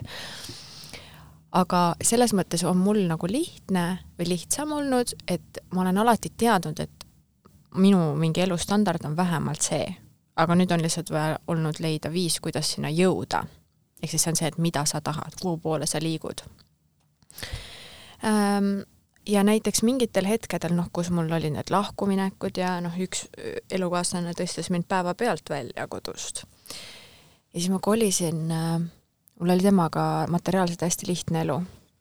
ja see oli selles mõttes huvitav, et ta andis mulle iga kuu mingisugused väga suure summa raha ja, ja meil oli noh, meil suhe oli ikkagi nagu veits toksik, me ei olnud väga õnnelikud koos ja nüüd, kui mina tundsin, et ühendust pole, ma ei ole väärtustatud, siis ma ka ei hinnanud seda materiaalset panust. ehk siis ma lõpuks enam ei koristanud, ma ei viitsinud süüa teha, me tülitsesime ainult kogu aeg. ja siis ta ütleski mulle, et Laura, nagu mingi, mis asja, vaata, ma annan sulle niisuguse summa, ma võiksin endale palgata siia koka, noh, põhimõtteliselt litsi ja koristaja ka ja saaks ka odavamalt läbi, sa ei tee mitte midagi. aga ma ei pannud seal raha absoluutselt kõrvale, ma kulutasin kõik ära, noh ja siis me läksime suure tüliga lahku ja ta tõstis mind päevapealt välja. siis ma kolisin, mis see on, see Luise tänav. Luise tänaval on üks väga väike puumaja, hästi vana. kolisin sinna korterisse, mis on sama suur või väiksem kui see konteiner, kus me siin oleme praegu. oli väike voodi ja mul oli seal, terve see korter oli täis nagu, olidki kastide sees mu käekotid, mingid kasukad, asjad aga ma istusin seal. aga seal oli mul rahu ja ma olin nii õnnelik seal. aga alati, kui ma astusin sealt korterist välja või sealt majast välja, siis ma läksin ja riietusin ja olin see inimene, kes ma tundsin, et ma tahan olla. mitte see, et ma hakkan nüüd käima, aga lasen oma kõik standardid alla, puh, hakkan käima mingi noh, mul ei olnudki niisuguseid asju, aga mingi koledalt, et ma ei hoolitse enda eest vaid ma astusin tänavale täpselt samamoodi, nagu ma olin varem olnud ja eile just tuli meelde ja käisingi sõbrannadega näiteks restoranides edasi. ma ei saanud endale seda tegelikult lubada, aga ma läksingi kas või näiteks, ma ei tea, Giannis või kuskil Hiltoni hotelli lobis või kus iganes, ma jõin kas või ühe kohvi seal. ja sellega noh, sest vanasti oli see, et me läheme restorani ainult tähtpäeval. ei, ma tahan seal süüa, see ei ole mingi eriliste inimeste koht. ei ole. tegelikult see on normaalne, see on jälle, mis asjad meile on sisendatud. ja ma läksin ja kogu aeg lõin selle läbi endale seda reaalsust, mida ma tahtsin. ehk siis sa viibisid äh, rikaste seltskonnas ise ka. sagedusel, kus on tegelikult endiselt veel rikkus ja just. kogu see, mis sina tegelikult soovid saada. ja ma ei jäänud koju passima, et issand, et mul ei ole võimalik, vaid ma leidsin need lahendused. pidasin iga kuu isaga eelarvekoosolekuid, ta vist andis mulle mingi seitsesada eurot, kohvikapslid viiskümmend eurot või noh, mida iganes, ta ütles Laura, kui sa ei saa endale lubada, siis sa ei joo kohvi. siis ma olin mingi, et ei, mis mõttes ma, ma tahan kohvi juua, noh, et mul on olnud peres alati hästi palju raha, aga see on hullult piiratud olnud, et ma nutsin iga kuu, ma olin siis ülikoolis peale seda lahkuminekut, issi hakkas mulle raha andma, ma nutsin seal, me hullult läksime tülli nagu mingi viiekümne euro pärast, onju. Mhm. noh, et tal oli asi põhimõttes, et kui sa oled nii-öelda vaene, siis sa ei joo neid asju, ma ütlesin, ma joon küll. no muidugi ma olen tark tüdruk, siis ma panin sinna teraapiafond mingi sada kakskümmend eurot kuus, no siis selle raha eest ma istusin restoranis ja see toimis palju paremini, kui teraapia võib-olla oleks toiminud, kuigi ma käisin seal ka. aga mul on alati olnud see, et ma ei jää ennast nagu haletsema, vaid ma leian lahenduse, kui ma tahan midagi, siis ma teen selle ära ja ma ei mõtle liiga palju kodus, vaid ma lähen ja teen. Eh, see on üks äh, väga suur erinevus, äh, mida äh, jälle ma refereerin korra, toon siia näite selle transurfingu najal. oled sa lugenud seda raamatut, ma aru saan? põgusalt? see oli äh, väga ammu ilmselt. see oli väga ammu, aga see oli esimene enesearengu Mm. raamat, mida ma lugesin, ma hakkasin. mulle väga meeldib, kuidas transurfing, sa tõid imepärase näite ka siia, miks ma seda praegu mainin, et mitte see promoda seda raamatut, vaid immi, aga lihtsalt äh, sa tõid imepärase näite sellest, mis vahe on materialiseerumisel ja manifesteerumisel. The Secret, on ju, kõik teavad seda raamatut, saladus, räägib sellest, et me peame enda ellu tõmbama asju. Transurfing läheneb selle poole pealt, et me ise peame inimesena liikuma äh, paremaks saama inimesena sageduslikult, tõusma nii-öelda siis kõrgemale noh, võib ju nimetada sageduseks, võib nimetada vibratsiooniks, energiaks, kuidas keegi tahab nimetada seda. aga me ise peame liikuma, saamaks paremaks inimeseks, siis siis need asjad, mida me soovime, saavad meie ellu tulla. et me ei saa olla äh, pessimistlik ja, ja ma ei tea, mingisugune elu vihata ja maailma vihata ja siis öelda, et aga kus see miljon on ja kus see lambo on, oodata lihtsalt seda kukkumist mm., ta ei tule sinna. Et äh, sinu näide see, et sa leiad need lahendused äh, ja just nimelt seesama näide, et ma lähen ja istun kasvõi siis selles luksuslikus Hiltoni hotelli nii-öelda fuajees või lounge'is, joon seda kohvi, mida ma saan endale lubada täna, mis maksab mis iganes rohkem kui muu kohvi, aga ta on odavam kui minna kuskile eh, budget'ist täiesti lõhki ja ma saan ikkagi tunda seda klassi ja seda, mis minu jaoks on oluline mm, -hmm. et see on nagu hea näide. ja pani ka mind mõtlema, sest äh, ka minul on, ma olen tänaseks aru saanud, et ka minul on rahavõrd turvatunne mm. -hmm ja teiseks on see, et äh, kui ma mõtlen üldse selle peale, et mis see nagu raha on, siis minu jaoks, kui peaks kirjeldama küllust, siis minu jaoks küllus on rahakuhi. Ja ma saan aru, et see kõlab nagu nii absurdselt, et tegelikult ei peaks, paljud ütlevad, ära mõtle asja raha peale, mõtle ainult, mis sa tahad saada ja see raha on toetav energia, nagu türa ta ei ole toetav energia, kui ma tegelikult noh, mul on oluline, et seda oleks. aga siis hakkadki kogu, noh siis sellepärast see sind ka kõnetas, siis teedki endale suure, ma ei tea, kas või viie eurostest äh,, hakkadki hoidma sularaha no ma ei ütle nüüd, et hoia kodus on ju madratsi all või kus iganes, aga niimoodi, et see on sul silma all ja see aitab ülipalju. mul, kui mul olid mingid rasked suhted ja kus äh, mingi hetk ma teenisin ka nagu isegi siis, kui ma peksa sain ja sealt ma saingi ära tulla tänu sellele, et ma hakkasin tööle, siis ma lugesingi seal seda raha ja ma olin mingi nii, ma tegelikult, ma olen tegelikult vaba.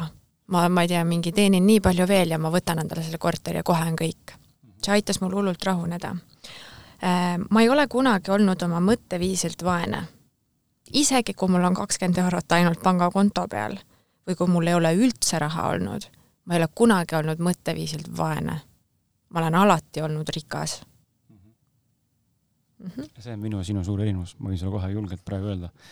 sest minul tekivad hirmumõtted siis. isegi kui sul on raha, siis sa oled mõtteviisilt ilmselt just, vaene ikka. ja olen ikkagi, ma olen täna aru saanud sellest ja seda mul endale valus olnud tunnistada, aga aga ma tunnistan, et ma, ma näen ära selle mustri, aga ma ei tea, kus see lahendus on. ma ei, nagu ei suuda nagu mõelda teistmoodi, sest et see on nii noh, intellektuaalselt saad aru, on ju, ma kuulan sind ja ma saan aru tegelikult, et see on puhtalt perspektiivi küsimus mm. -hmm. kuidas me elu vaatame, me ei pea ainult rahast rääkima, ükskõik millest suhe, õnnelikust suhtest või tervetest lastest või tervest tervisest või millest iganes mm. -hmm. aga vot näed no vaatame. et ei oska rakendada seda ja just nimelt selle ühe teemaga on see, onju. tegelikult loomulikult ta väljendub kõikides teemades lõpuks mm. -hmm. aga see on see, mille ma seda nagu pingeliselt seda tähelepanu hoian. Ja mis mulle selle raamatu, see harjutus juures meeldis, see rahaharjutus, sa tõid väga häid punkte välja, aga mis mina ja elukaaslane ise märkasime selle puhul on see, et ma, kui raha niimoodi vedeleb, siis ma suhtun rahasse äh, ükskõiksemalt. Ja just, seda positiivses mõttes. ma ei pane sellele, jah, ma ei pane mhm. tähtsust sinna, et issand, see on viiekümne eurone või see on saja eurone, vaid lihtsalt noh, sotini vedeleb, ok seda vedeleb. ja siis ongi täpselt see, et sa, need on ka väiksed sammud, vaata, see on täpselt põhimõtteliselt see teraapia, mida sa saad oma alateadvusega ise ära teha. ongi see, et sa harjutad olema raha nagu ümber endast, ma ei saa inimestest aru, kes, kellel on ainult, kes ütlevad, et ma sularaha üldse ei kanna. ma ei tea, ma ei suuda niimoodi räägime millestki muust nüüd ka. räägime, räägime raamatust. miks raamat sündis? Kust äh, tekkis üldse see hullumeelne idee panna nii avatult äh, ja nii äh, toorelt ja mõnes mõttes isegi võikalt need asjad sinna kirja? ma olen alati toores olnud, nagu selles mõttes, et ma, ma, ma inimesena olengi alati olnud selline. lihtsalt varem ma ümbritsesin ennast inimestega, kes tahtsid mind nagu alla tampida, ütlesin, et ütlesid, et pane suu kinni, et ära räägi mm täna mind ümbritsevad inimesed, kes on mingi, jaa, Laura, rokid täiega, noh, et see on ka see, et, et ma olen teinud hästi suure muutuse ära, aga ma olen alati ennast väljendanud mm,. raamat, raamat, raamat, no ikkagi Jesper tuli ja pakkus mulle selle, et äh, et Jesper nägi ära selle koha, kus ma ilmselt täna istun mingi aeg tagasi. ja ma ise seda kohta siis veel ei näinud mina mõtlesin, et oi, ma peaks veel nagu mingi kolmkümmend vähemalt olema, et ma ei ole valmis ja see on ka jälle see, et ärge jätke asju tegemata, proovi kas või isegi kui see oleks olnud sitt raamat, siis äh, see on ikkagi, ma olen selle ära teinud ja see on ka kogemus. et äh, jällegi, kui sa jääd koju istuma ja ma ei tea, kassima või nagu mingi mõtlema, et oo, kas ma olen valmis, kui ma oleks liiga palju mõelnud, ma ei oleks kirjutanud, sest kõigepealt mu vastus oli, et mm, ma ei taha nagu aga siis ta hakkas mulle natuke, et Laura, praegu on õige aeg just ja nagu mingi kõik need asjad. ja alates sellest, kui ma ütlesin jah sellele, noh, siis see on selles mõttes ka tulnud kergusega, muidugi ma olen sinna tunde tohutult pannud ja veinipudeleid ka valusad teemad ikkagi, onju. aga ma tundsin, et, et see raamat justkui hakkas mingil hetkel ennast ise kandma. ja kõik lahenes väga hästi. et minu jaoks on alati olnud see oluline, et ma vähemalt proovin ma tulen äh, tagasi äh, üle, üle, üle, üle-eelmise teema juurde. kuidas äh, aru saada, kas see tegevus või eesmärk, mille ma endale püstitan inimesena või, või millega ma tegeleda tahan igapäevaselt, on mm. kantud, voolav või mm. mitte, sest et mulle tundub, et see on ka õhkõrn koht, kus inimesed tegelikult ei saa teinekord aru, et nad väga forsseerivad ja võitlevad selle nagu maailma. Mm -hmm. kust maalt ta voolab, kust maalt enam ei voola mm.? ja kui ta ei voola, kas peaks loobuma? Või ma peaks nüüd otsima teistsugust lähenemist samale asjale ehk teist perspektiivi ja see muutub? see oleneb, oleneb, millest me räägime. Äh, minu jaoks on olnud see, tegelikult see on jällegi see koht, et mida paremas kontaktis sa oled iseendaga, mida enam sa saad aru, mis on see, mis on see, okei okay,, meil on siin äh, heli, heli, helipilt siis on, et kas on pea või on tunnetus, on ju. et äh, seda lihtsam on vahet teha ähm,. väga palju öeldakse, et aga mul sisetunne ütleb, tegelikult see on meie soovmõtlemine, mitte sisetunne ähm,. näiteks kui ma olin rase, raseduse ajal olid mingid raskemad perioodid, siis ma käisingi näiteks vabastavas hingamises, kus mul tulevad mingid taipamised, noh, see on see, kui sa nagu meele suudad korraks mitte vaigistada, aga lihtsalt minna sinna tunnetusse ähm,. sest õiged vastused, noh mis meil on, meie meel on ju käes ja infopank kõigest, mis meil on kunagi nagu öeldud, on ju, see info on vana. et näiteks naistega, kuidas ma toon seda vahepeal, kellel on vaja, teraapiaseansil ma teen niimoodi, et justkui meele ja hinge või ma ei tea, algolemuse dialoog. kutsume sinna, lasen kutsuda tal, kutsu oma meel ehk siis oma ego, kutsu oma see puhas olemus või algolemus või nii-öelda hing siis on ju, no mis on tegelikult alateadvus ja siis hakkame küsima, siis ma ütlen, et sina ära mõtle, aga sinu ees seisab sinu üks tegelane ja teine tegelane, nüüd mina hakkan ütlema sulle asju ja sina palun vahenda mulle mida vastab üks ja mida vastab teine. näiteks ütlen, sa ei ole armastust väärt. mida meel arvab? meel on nõus, et ma ei ole. aga mida hing arvab? hing ei ole nõus. esimeses on alati šokis, ma ütlen, sa ei ole piisav. Meel ütleb mm, -mm, ei ole, ma ei ole piisavalt teinud, hing ütleb, ma olen küll piisav ja siis nad õpivad vahet tegema, siis ma ütlen, noh, et kui sa iga päev tahaksid valida, kelle nõu sa rohkem kuulad olulistes asjades, kumma sa valid? oi, ma valin hinge, noh. et mida paremas kont-, kõikide teraapiate ja asjade point ei ole see, et saada mingeid info, infokilde kuskilt või, või mida iganes, vaid on jõuda järjest sügavamale kontakti iseendaga. See, et me saame neid väliskeskkonna kihte maha, need on need lukud, kus me oleme saanud haiget, mingid uskumused, mida rohkem neid saavad lahendatud, seda sügavale, sügavamale kontakti ma saan iseendaga, seda tugevamalt ma luban endal tunda nii neid häid emotsioone kui neid nii-öelda halbu emotsioone, on ju, valu, kõike seda. ja seda paremaks elu muutub. et näiteks täna, kui tuleb mingisugune kas pakkumine, siis minu jaoks on see korraks tunnetamise küsimus jah või ei. ma ei hakka analüüsima Äh, kunagi ma ka, noh, analüüsimine tekitab ärevust ja see on jällegi seal all, äh, inimesed, kes tahavad hästi palju analüüsida, seal all on tihti turvatunde puudus. et ma ei ole ennast turvaliselt tundnud ja nüüd, kui ma mõtlen, et ma mõtlen selle vastuse välja, siis ei saa miski ju valesti minna. et jällegi seda, noh, sinu puhul jällegi me saame seda vaadata ära lahendada. Intuitsiooni kuulamisega probleemi ei ole? vähem ma ise ei tunne, et oleks mm. -hmm aga see intuitsioon, vaata, see ongi see, et kui hakkab ja, mingi no, sõda on, pihta, siis on teda raskem kuulata. siis on raskem kuulata ja sa oskad endale ära põhjendada, miks sa ei peaks seda kuulama, sest sa ei usalda ennast. absoluutselt no., aga seda õnneks on harva, aga seda tuleb vahel ette ehm, tuleme siia, ma tsiteerin sinu raamatut korraks ka, mulle väga meeldis see lause, mis sa oled kirjutanud, et meil on valus siis, kui me ei alistu mm. -hmm. ja ma tahan, et sa korraks nüüd räägiksid, mis see nagu täpsemalt tähendab, sest et äh, sõna alistumine, võime sinna muidugi panna ka mingid muud äh, sünonüümid aga kuidas seda paremini mõista, sest et äh, noh, minu jaoks alistumine võrdub loobumine. I quit, I give up. Ähm, ma saan intellektuaalselt aru, mis tegelikult see tähendus on, aga minu mm -hmm. jaoks mhm. tähendab muud ja ma usun, ma ei ole ainuke inimene, kes tegelikult seda sõna alistumist vaatab, mõtleb, et mm -hmm. oh jumal, hakka, hakkan oksele kohe. see on see valge lipuke lehvima, vaata. I, I quit, no ma annan alla, ma ei suuda enam mm. -hmm. et mis see alistumine tegelikult tähendab ja, ja kuidas sina seda tegelikult mõistad mm -hmm. ja mis see minu mida, jaoks tähendab? mis see nagu protsessis tähendab, kuidas, kuidas siis nagu tegelikult seda päriselt teha ja toome võib-olla äkki mingi näite ka kas mõnest teraapias, mis on olnud, kus sa ilma nimetada, aga lihtsalt mingisuguse näite, kuidas inimene alistus mm -hmm. ja nüüd päriselt sai siis lahenduse. No ma toon enda pealt selle näite siis ähm,.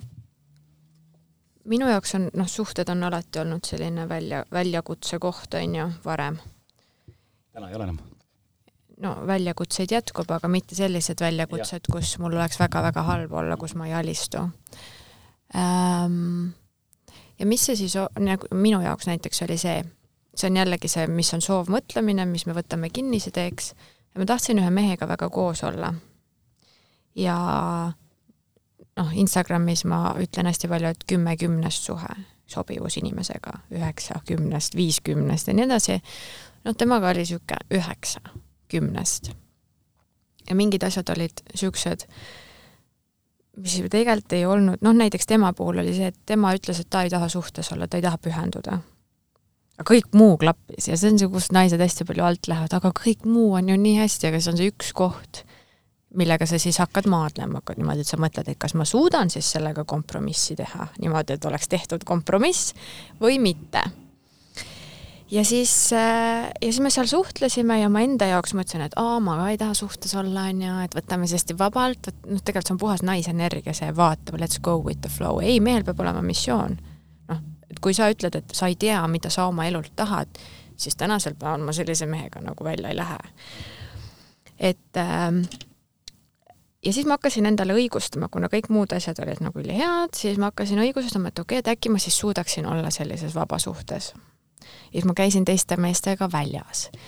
igast lollusi tegin lihtsalt sellepärast, et äh, õigustada endale seda ära, et kuidas ma tegelikult tahan vabasuhtes olla, tegelikult ma ei tahtnud. mul olid tunded mingi mehe vastu ja ma tahtsin seda turvatunnet naisena, seda pühendumist. noh, siin ma ka kirjeldasin raamatus, et kui mul oli mingi kolimise aeg, siis ma helistasin oma sellele kallimale, onju, vaba suhte kallimale. ma mingi hullult nutsin, nii raske oli, siis ta ütles, Laura, sa saad hakkama. noh, et tegelikult ta mingites olukordades mitte pühendudes ta sai valida, kas ta on mulle toeks või mitte, kui me oleksime suhtes, mis asja see ei tuleks kõne alla, kas sa tuled kolid minuga koos, on ju. ja siis ma põhjendasin endale ja mõtlesin, mõtlesin ja nüüd on siis see, et ma ei, alistumine tähendab seda, kui me ei äh, võta asju sellisena, nagu need on ja me üritame muuta kas iseennast, teisi inimesi või mingeid olukordi selleks, mis nad ei ole sinna käis see selgitus juurde. ja mis siis oli minu puhul, oli see, et ma üritasin teda manipuleerida, noh, manipulatsioonivõtted on ju, mida naised ikka kasutavad, mees ütleb sulle algusest peale mingi asja, no näiteks ma ei taha lapsi või ma ei taha abielluda. Nad lähevad ikka kokku selle mehega ja siis hakkavad, kallis, tegelikult nagu mingi võiks, on ju ja siis lõpuks on aega nii palju mööda läinud, et nad on vihased selle mehe peale, et sa raiskasid mu aega. ei, tegelikult oli algusest peale aus. ja tema oli ka ja ma mõtlesin, et äkki mul õnnestub manipuleerida teda endaga suhtesse. noh, alateadlikult muidugi proovisin seal olla võimalikult hea ja tõmblesin seal hästi palju. aga tema jäi oma seisukohale kindlaks. Okei okay,, sain sellest aru, siis ma enam nägin, et teda ei saa muuta, siis ma proovisin muuta iseennast ehk siis hakkasin muutma ennast kellekski, kes ma ei ole. ma olen inimene, kes tahab, et minu mees oleks mingi, see on minu kuninganna ja ma istun temaga täna siin restoranis, mitte see, et no me ei saa avalikult kuhugi minna, sest sa oled liiga tuntud, on ju. et äh, ma hakkasin ennast pisendama selleks, et mahtuda sinna paketti, mida ta mulle pakkus. Ja mul oli nii halb olla ja lõpuks mul hakkaski nii halb, et siis ühest mingist asjast no see mees ikka sai täiega. ja ma lõpetasingi selle asja ära, sest ma olen neid kogemusi nii palju saanud, kus ma surusin kas kedagi teist või mingit olukorda millekski, mis ei ole. ja mul, see oli üks mu elu kõige valusamaid nii-öelda lahkuminekuid, kuigi me ei olnud isegi suhtes, on ju. aga ma olin seal, sinna teemasse ennast nagu nii kinni mässinud ja tööasjadega võib sama olla. et äh, et ma ei näinudki teist lahendust, ma olingi nagu veendunud, et kui ma suudan selle toimima panna, siis ma ei tea, ma olen elu lõpuni temaga koos ja siis me sobime nii hästi ja blablabla bla, bla. ja kohe, kui ma tegin selle otsuse ära, no muidugi ma siis nutsin ja see raamatu kirjutamise periood jäi täpselt sinna, sinna ajavahemikku, et mul oli nii-nii valus ja sellepärast see raamat on ka nii toores mingite kohtade pealt, et ma olin avatud nagu rindkera operatsioonil, vaata siis kohe tekkis kergus. see, kui ma ütlesin talle, et tead, kui sa ütled mulle, et sa ei suuda mulle pakkuda seda, mida ma vajan, mina ütlen, et mulle see pakett ei sobi, sorry, ma pean sinust lahti laskma.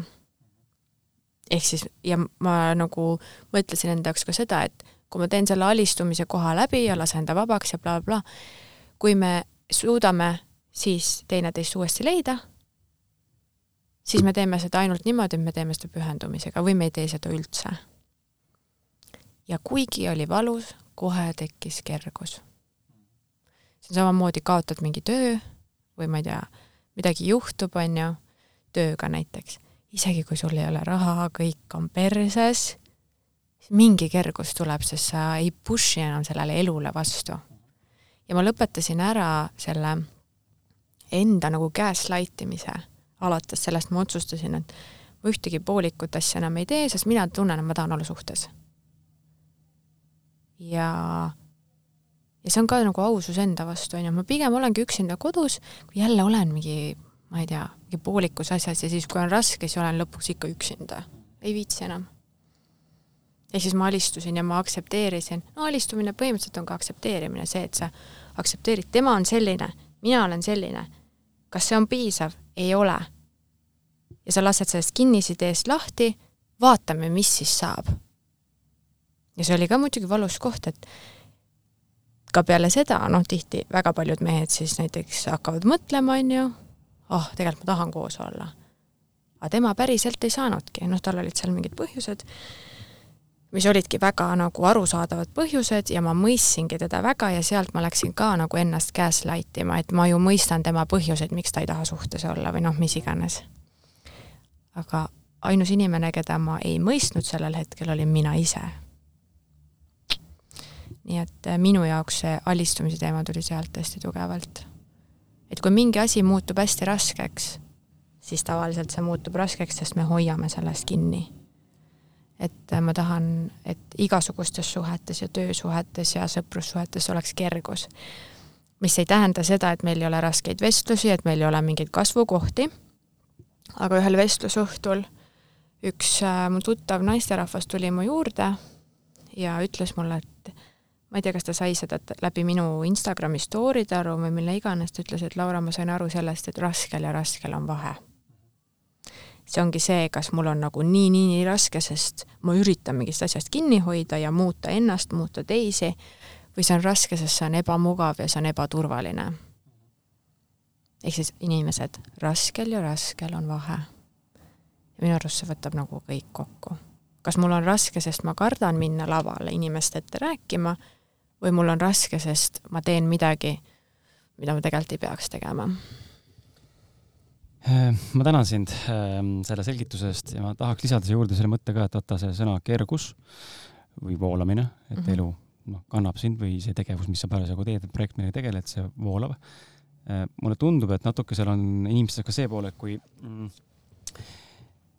et äh, kui keegi on milleski väga edukas või teeb midagi väga hästi, siis noh, ma toon enda podcast'i näite, paljud inimesed on mulle ka, et issand, sa teed seda podcast'i hästi ja see on väga tore, kui seda tunnustatakse, aga see ei ole minu jaoks absoluutselt raske teekond olnud mm. -hmm. see on tohutult voolav teekond olnud, aga see ei tähenda, et ma ei anna endast siia väga palju energiat sisse, ehk siis ma tegelikult Just. teen kvaliteetselt ja professionaalselt mm. -hmm. ma panustan ja pingutan, see sõna pingutan mulle ei meeldi, aga panustan olen kohal. ja show up'id iga just, jumala kord. sisse tuleb kergusega. aga, aga see on kerge, see uh, -huh. see ei mhm. valmista mulle raskust, aga ma annan aru endale, et see on selles mõttes suur panus uh. Mhm. -huh. et see on nagu erinevus, inimesed äh, vist teinekord ei saa aru sellest, et see ei, ei tähenda alati, et see hull, et see hullult panustamine millegi nimel peab olema alati ka päriselt suur raske, kui sa naudid protsessi, siis uh mhm. tegelikult see on see mõnus, sest sulle meeldib see, noh, sa alguses rääkisid enda töökohta samamoodi, onju, et sa ei lähe sinna sellepärast, et et see on raske või ilgelt tore, vaid siis, et sulle, sa kaifid seda, see meeldib see ja ta tuleb kergusega mul on üks sõber, ma tahan selle näite tuua, ta jälle koht, kus ma saan vist aru sellest alistumise poole pealt, et ähm, et miks seda on nii raske inimeste mõista ja mul endal ka teinekord mingis valdkonnas. ta ütles niimoodi, et äh, ah tead, ma ikkagi ei saa vist aru sellest, et kui ma panen käest ära, siis mul läheb ettevõte pankrotti. see ei ole nagu nii mustvalge. noh, et et mida nagu siis, kuidas nagu okei okay,, no seesama näide, mida siis inimene peaks nagu tegema, kui tema ainuke arusaam ongi sellest, et kui nüüd päriselt äh, alistun olukorrale, panen selle käest ära, võtan lõdvemalt, siis on kohe pankrot. mis ta siis nagu, et ta ei usalda tegelikult, noh, seal tegelikult puudub usaldus. jällegi, see on see baasturvatunde puudus, see on see, et ma ei usalda maailma, ma ei usalda iseennast, no need on need kõik mm -hmm. samad baasteemad. kontrolli teema tuleb sellest, et ma ei tunne ennast turvaliselt, noh ja pankrot tema jaoks võrdub, noh, loomariigis või no nii-öelda alateadlikult see võrdub surm mehena eriti, siis on, siis on perses.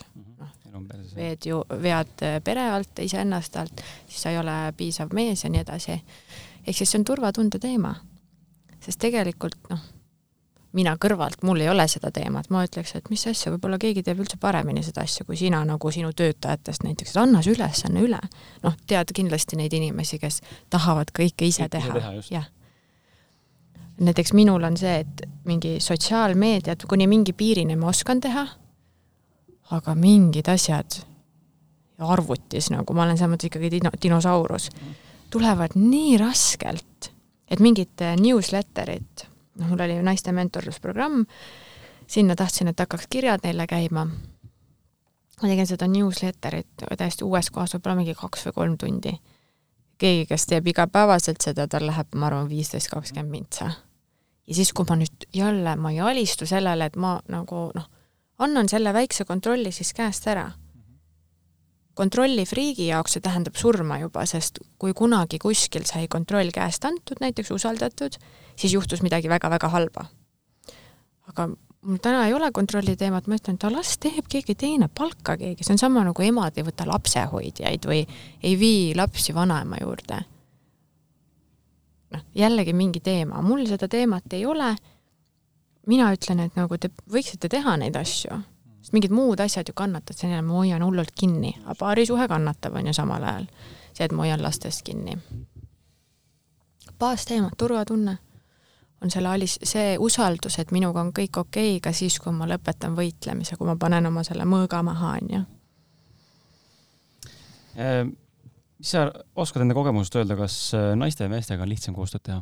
just mõtlen teraapia tera vormis jah, et äh, või, või mis on nende suurimad erinevused, et äh, ma saan aru, et võrdlemisi suurem osa on naisi, kes käib sinu juures, mis on nagu loomulik, arusaadav mm, -hmm. ja mehed loomupäraselt juba tulevad vähem abi mhm. otsima mm, -hmm. kui üldse enne surevad oma nende piinadega, sest et noh, ikkagi mingid alateadlikud meheks olemise primaat uskumused ja mustrid luba onju abi küsida et äh, kumb on, kummaga on lihtsam tööd teha koos ja mis võib olla see põhjus?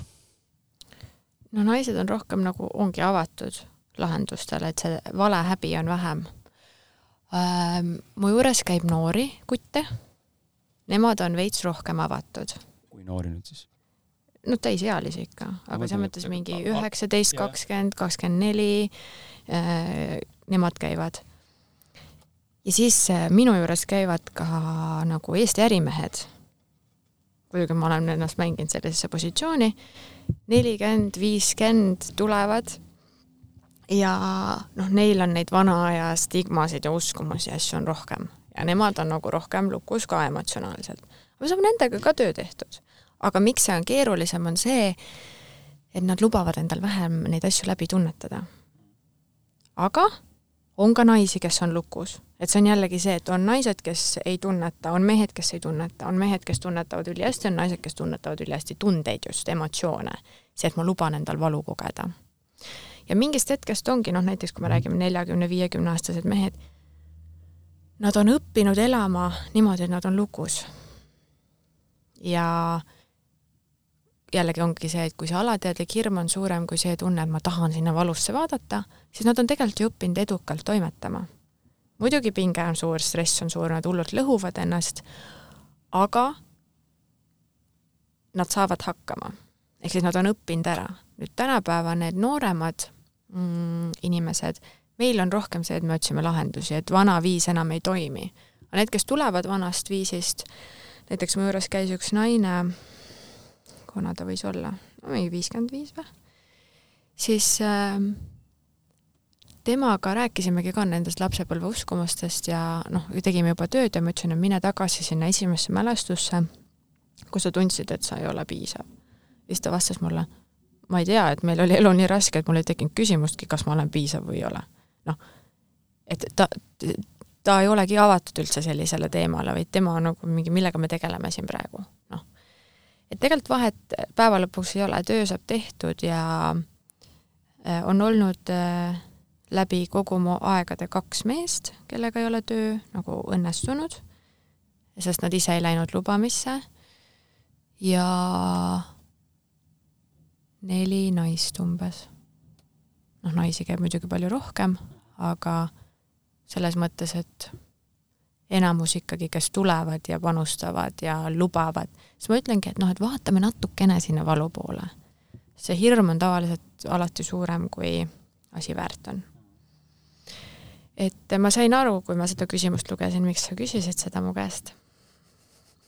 miks siis?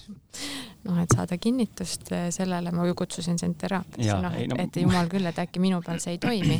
aga tegelikult, kui tullagi avatuna, noh, mõned on see, et äh, kes mu juurdesse üldse meestena satuvad, on tihti see, et eh, kui naine on käinud ja suhe läheb nüüd protsessi, sest dünaamikad muutuvad, siis tulevad mehed ka või siis mehed, kes on just lahku läinud, noh, kellel on nagu halb olla. siis nad tulevad kogema erinevaid asju. ma arvan, et see on ilus. ja mehed lähevad ka äh,, millal ta käis, ta käis eelmine suvi vist, käis üks mees, selline suur karm mees nagu tuli, habe oli vist isegi veits patsis ja noh, ikkagi selline nagu, et ta tuli uksest sisse, siis ma vaatasin ka, et okei okay.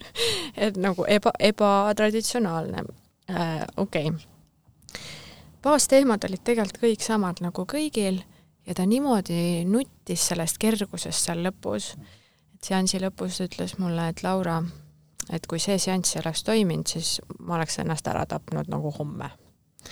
ja siis nüüd ta hiljaaegu ma nägin teda tema naisega koos, nad käisid mu ühte esinemist vaatamas. Ja lavalt terve aja nä nägin neid, nad naersid, nad olid sellises kerguses, sellel mehel oli nii hea olla. Ja siis ma vaatasin, et, et te, noh, te võite öelda mu kohta mida iganes, aga ma teen oma tööd edasi ja ma teen seda edasi nende inimeste pärast, kes seda vajavad. Nutmine on tore, see on see on vabastav, jää sulab, on jää sulab. jaa, see on vabastav. tuleme selle raamatu juurde jälle mm. -hmm. et ma olen siin välja noppinud äh, terve selle saate jaoks erinevaid kohti, mitte palju, aga mõningaid, mis on silma jäänud ja mis on nagu minuga samastunud. raamatus sa mainisid äh,, näitame korraks mind ka, tšau. raamatus mainisid sa, et peale podcast'i Täitsa Pekkis osalemist Mhm. äh, lõppes suhtlemine enda emaga ja omavaheliste suhete paranemist ei ole ilmselt näha ka peale raamatut. see oli äh, väga hästi mõnes mõttes pool nagu na- humoorikalt kirjutatud, aga samas väga valus lugeda. just see raseduse aeg on ju. jah, ja üldse see, üks ta alus on sellepärast, et mul oli isaga sama vestlus ma arvan, et üks sihuke noh, oligi mingi ütleme neli kuud tagasi umbes või kolm kuud tagasi. esimest korda kolmekümne ühe aasta jooksul istusin isaga näost näkku maha ja rääkisime kahekesti kolm tundi Mhm. oma erimeelsustest ja see oli nagu hädavajalik äh, vestlus, mida ma lükkasin edasi. ja ma olin valmis seda edasi lükkama põhimõtteliselt surmani. Mhm. tundsin, et ma ei ole valmis. ma endale ütlesin, ma ei soovi, ma ei ole valmis. Pole õige hetk. ja nii edasi, samas tegelikult tohutu valu oli kogu aeg taustal. Ja temaga selgus siis sama jutt, et äh, ta lihtsalt avaldas siis soovi, et, et äh, ma ei mainiks ega kirjutaks ega, ega räägiks temast piltlikult öeldes, sest see on tema elu. ja kui ta tahab seda ise teha, siis ta räägib ise avalikult asjadest, et ähm, ja ma kujutan ette, et sul võis olla sama asi, mis puudutab siis Täitsa Pekkis podcast'i, ma võin eksida, saab kohe täiustada. ja raamatu puhul ka, et äh, ma ei tea, kas ema on seda lugenud, mitte, seda ma ei tea. Ma ka ei tea. okei okay,, et aga küsimus on selles, et kas see on õige või vale sinu arvates ja, ja jagada avameelselt kõike seda, mis hõlmab või puudutab ka teisi inimesi, kes võib-olla ei soovi neid teemasid arutada, mida tegelikult sina arutad, sest tegelikult sa kisud või ka mina, me mõlemad siis sellisel juhul inimesed, kes sellisel viisil tegutsevad, kisuvad alasti ka teiste inimeste elusid ja neid eh, skeletone kapist toovad välja, mida inimesed mm. -hmm. tegelikult võib-olla ei ole valmis ise välja tooma Mhm. või ei tooks mm. -hmm. mitte kunagi, aga sa tood avalikkuse ette. et ähm, noh, seal on mingid hirmud, eks ole, ma saan aru, seal on mingid noh, Valehäbi valehäbid, eks ole, kõik need asjad, aga jätame selle asja kõrvale, Mhm. et nende tunded jäävad korraks kõrvale, siis kuidas nagu sa täna nagu seda olukorda näed, kas see on tegelikult asi, mida peaks tegema või kuidas seda asja siis me sellisel viisil, inimesed, kes sellist asja teevad, raamatuid kirjutavad või räägivad või esinevad või toovad oma kogemusi, see on ju minu elu, kuidas ma ei saa seda, seda näidet tuua, see on minu elu, see on minu Täpselt. kogemus. et kuidas ma siis pean nüüd rääkima nagu noh, mis see, mis sinu nägemus nagu sellest on või kuidas sa nagu seda mõistad pärast seda, mis mm Mhm. -hmm. oled sa nagu tajunud, kogenud? no see lük- lükkab äh,, see lükkab kogu peresüsteemi ju tegelikult arengusse ja protsessi, kui keegi siin üks on see, kes hakkab nüüd seda muutuste lippu nagu tassima, ruuporiga karjuma. ruuporiga karjuma. no see Täitsa Pekkis podcast selles mõttes, ma ei öelnud seal isegi midagi hullu tegelikult. ma rääkisin seal, et ma mõistan teda, sest ma sain needsamad mustrid kurat kaasa ja ma olen neid nüüd lahendanud, et ma reaalselt, ma peangi teda või nagu ma ei saagi teisiti, kui mõista teda. Aga see oli see käivitajaks, et see oli käivitajaks jah, sest noh, häbi on palju ja ega nüüd vist on see, et ma arvan, et äh, kõik, kes teavad, et ma olen tema tütar, siis kõik räägivad talle, et Laura on nüüd seal ja seal ja seal ja see ongi valus. Ja kindlasti see on ka valus sellepärast, et me ei suhtle või noh, ma arvan, et see on, võib-olla ei ole ka. minu arvates on see, mina, jah, mina jagan oma lugu kui sina tahad, sa võid ka ju oma poolt jagada. kui sa saad oma hirmust üle üldsegi kuskil sõna võtta. ja ma ei räägi siin sellest, hakkame teineteist nagu mingi munadega loopima, vaid see on ka see diskussiooni koht. aga minu sest igal juhul on tal oma nägemus just, alati. alati jah. olemas just. Ma ei ole olnud äh, tem-, oma ema vaatevinklist talle hea tütar, ma tean seda äh,. väga paljud asjad, noh näiteks kui me ei saa omavahel, ei ole läbi saanud, täna ma juba väga-väga kaua juba ei suhtle temaga, ongi umbes aasta siis või rohkem veits, siis ähm, ja neid perioode on olnud mu elus nagu alates sellest, kui ma teismeliseks sain et see ei ole, see ei ole nagu tekkinud sellest podcast'is, vaid see podcast tõi uuesti sellesama teema lauale ja seal ma siis otsustasin, et kurat, mulle aitab nagu sellest, et sa nagu valid, kas sa oled mu ema või ei ole. ja mm, okei okay,, ma ütlen ikkagi välja. seal konkreetses suhtes on olnud kahjuks niimoodi, et mulle ollakse olemas, mul olid mingid sõbrannad ka sellised see on see mustrikordus jälle, on ju. mulle ollakse olemas siis, kui mul on kõik perses. kui ma kas lahutan laste isast, kas kui ma olen kuskil vaene kui püksinööp, on ju, siis ma sobitun sinna peresüsteemi kannatuste teemasse ja siis mul on sama raske kui teisel, teistel. ja siis ma sobitun. ja alati kohe, kui mul hakkab nagu natukenegi paremini minema, siis hakkab äh, jama pihta. Ja siis enam ei suudeta nagu olla mu kõrval. et seal on ka see, et mul hakkas minema kas seal podcast'is hästi, ma ütlesin seal mingi paar, nagu mingid asjad, et ma tundsin, et lapsena mingi, ma olin üksi kogu Eesti tundis ja kõik eelmised põlvkonnad tundsid ka. aga seal on ka see mingi edu teema samamoodi minul ka juures, et, et tihti naiste jaoks tähendab seda, et noh, et sa ei ole piisavalt kannatanud. Ja mulle ongi öeldud ka, et Laura, elu, su elu on liiga lihtne olnud. ma istun, mõtlen, kuradi, mul on nii raske elu olnud, et ma tahaks just kergemat, nagu miks ma ei või kergemat valida. et äh, mina jagan oma lugu ja kuskil just küsiti, et noh, et, et miks ma siis nagu täna ei suhtle, on ju, et miks ma ei anna siis veel uut võimalust. ja ma ei anna seda, või noh, ma annaksin ilmselt selle võimaluse, kui seal tuleks mingi päris muutus ja diskussioon. Aga mina täna väärtustan ennast nii palju, et ma ei saa, ma ei saa lubada endale seda, et ma hoian enda ümber inimesi, kes esiteks ei taha mulle head, kes ei ole nagu mingi Laura, rokid täiega ma tahan seda suhtumist enda ümber, sest ma annan oma lähedastele ka seda suhtumist. ja ma olen teinud rahu nende lapsepõlve teemadega, noh, see ongi see, et kuna minu see platvorm on selline, nagu see on, ma räägin enesearengu teemadel, siis ma pean rääkima lapsepõlve teemadest ja muidugi ma toon enda pealt näite, aga mul on täna sellega okei okay. aga mul ei ole okei okay sellega, kui mind tänasel päeval väärkohtleb keegi ja nüüd ongi see, et minu standard on tõusnud inimsuhetele ja kui teiselt poolt, vahet ei ole, kas on see sõbranna, on see, ma ei tea, tädi, onu, ema, isa, kui sealtpoolt ei tule mulle seda nagu aktsepteerimist, aktsepteerimist kaasa, et minu vajadus on see, et mind ei tehta maha näiteks või no mis iganes, siis vabandust, me ei saa suhelda. ja mul on väga kahju ja ongi, ongi raske ja ongi valus, aga ma ei saa seda teha ja ma olen äh, sinuga täitsa nõus, et äh, ma olen sama asja kogenud. ja ilmselt ma arvan, et mul on tunne, ütleb, et see juhtub varsti uuesti. No sa jälle räägid siin isast. jah, ma loodan, et see ei juhtu, sest et tore on nagu lõpuks läbi saada ja mul on tore, et lapselapsel on äh, ka linna vanaisa, kelle juurde saab vahepeal minna külla ja aga mul on see asi on nagu jant käinud kaasas ka ja see oli juba enne podcast'i, enne raamatu mhm. kirjutamist ja kõike muud ka, et see on tuttav tunne, tuttav suhe ja tundub nagu dünaamika või mehaanika seal, et lihtsalt see on huvitav jah, kuidas noh, ise mõtlen oma peas, et kuidas see saab või miks see peab nii keeruline olema no.. Mm -hmm. et kui ma temaga rääkisin seal, siis noh, tulid mingid teemad üles ja, ja siis üheks teemaks oli toit, minu toiduviis, eks ole, et äh, siis ta nagu ei saanud aru sellest. siis ma ütlesin, aga miks see, miks see sind häirib? miks ma ei või tulla, veeta perega aega, teha koos neid üritusi, neid istumisi, koosolemisi, aga süüa lihtsalt natuke teistmoodi. ma, ma toon oma toidu mm, -hmm. teen su elu lihtsaks, ära kokka mulle. ma toon oma toidu mina ei mõista hukka su valikut, aga ma tahan teha enda valiku järgi. aga mhm. miks sul nii raske seda aktsepteerida on?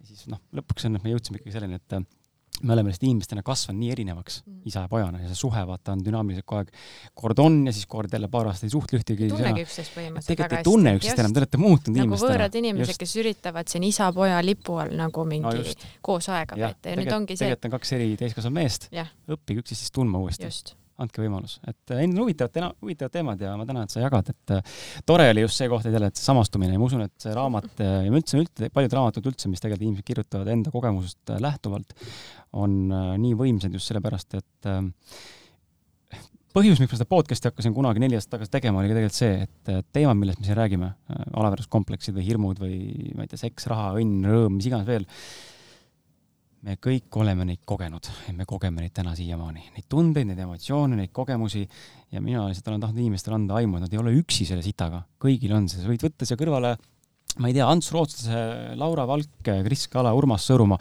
kõigil on mingit paska kaasas, millega nad peavad tegelema kogu aeg. Mm. -hmm see, et nad räägivad sellest mitte, see on nende enda valik. aga et inimene, kes nagu siis, ma ei ütle tavainimene, aga inimene, kes võib-olla vaatab kuidagi pjedestaalilt sind või kedagi teist selliselt mm, -hmm. mõtleb, et oi-oi-oi, ühtegi tal pole midagi, no ta tegelikult nii, see on nii absurdne eelarvamus lihtsalt ja mulle ka ei meeldi need äh, terapeudid või avalikud esinejad, kes üt-, nagu noh, kes räägivad ainult, et oo, teistel sul on mingid teemad. ei, sul on kurat ka ja oleks aeg seda nagu ka tunnistada Äh, et sa ei ole kuidagi teistest parem, sa ei oleks muidu täna ju jõudnud siia, kus sa oled.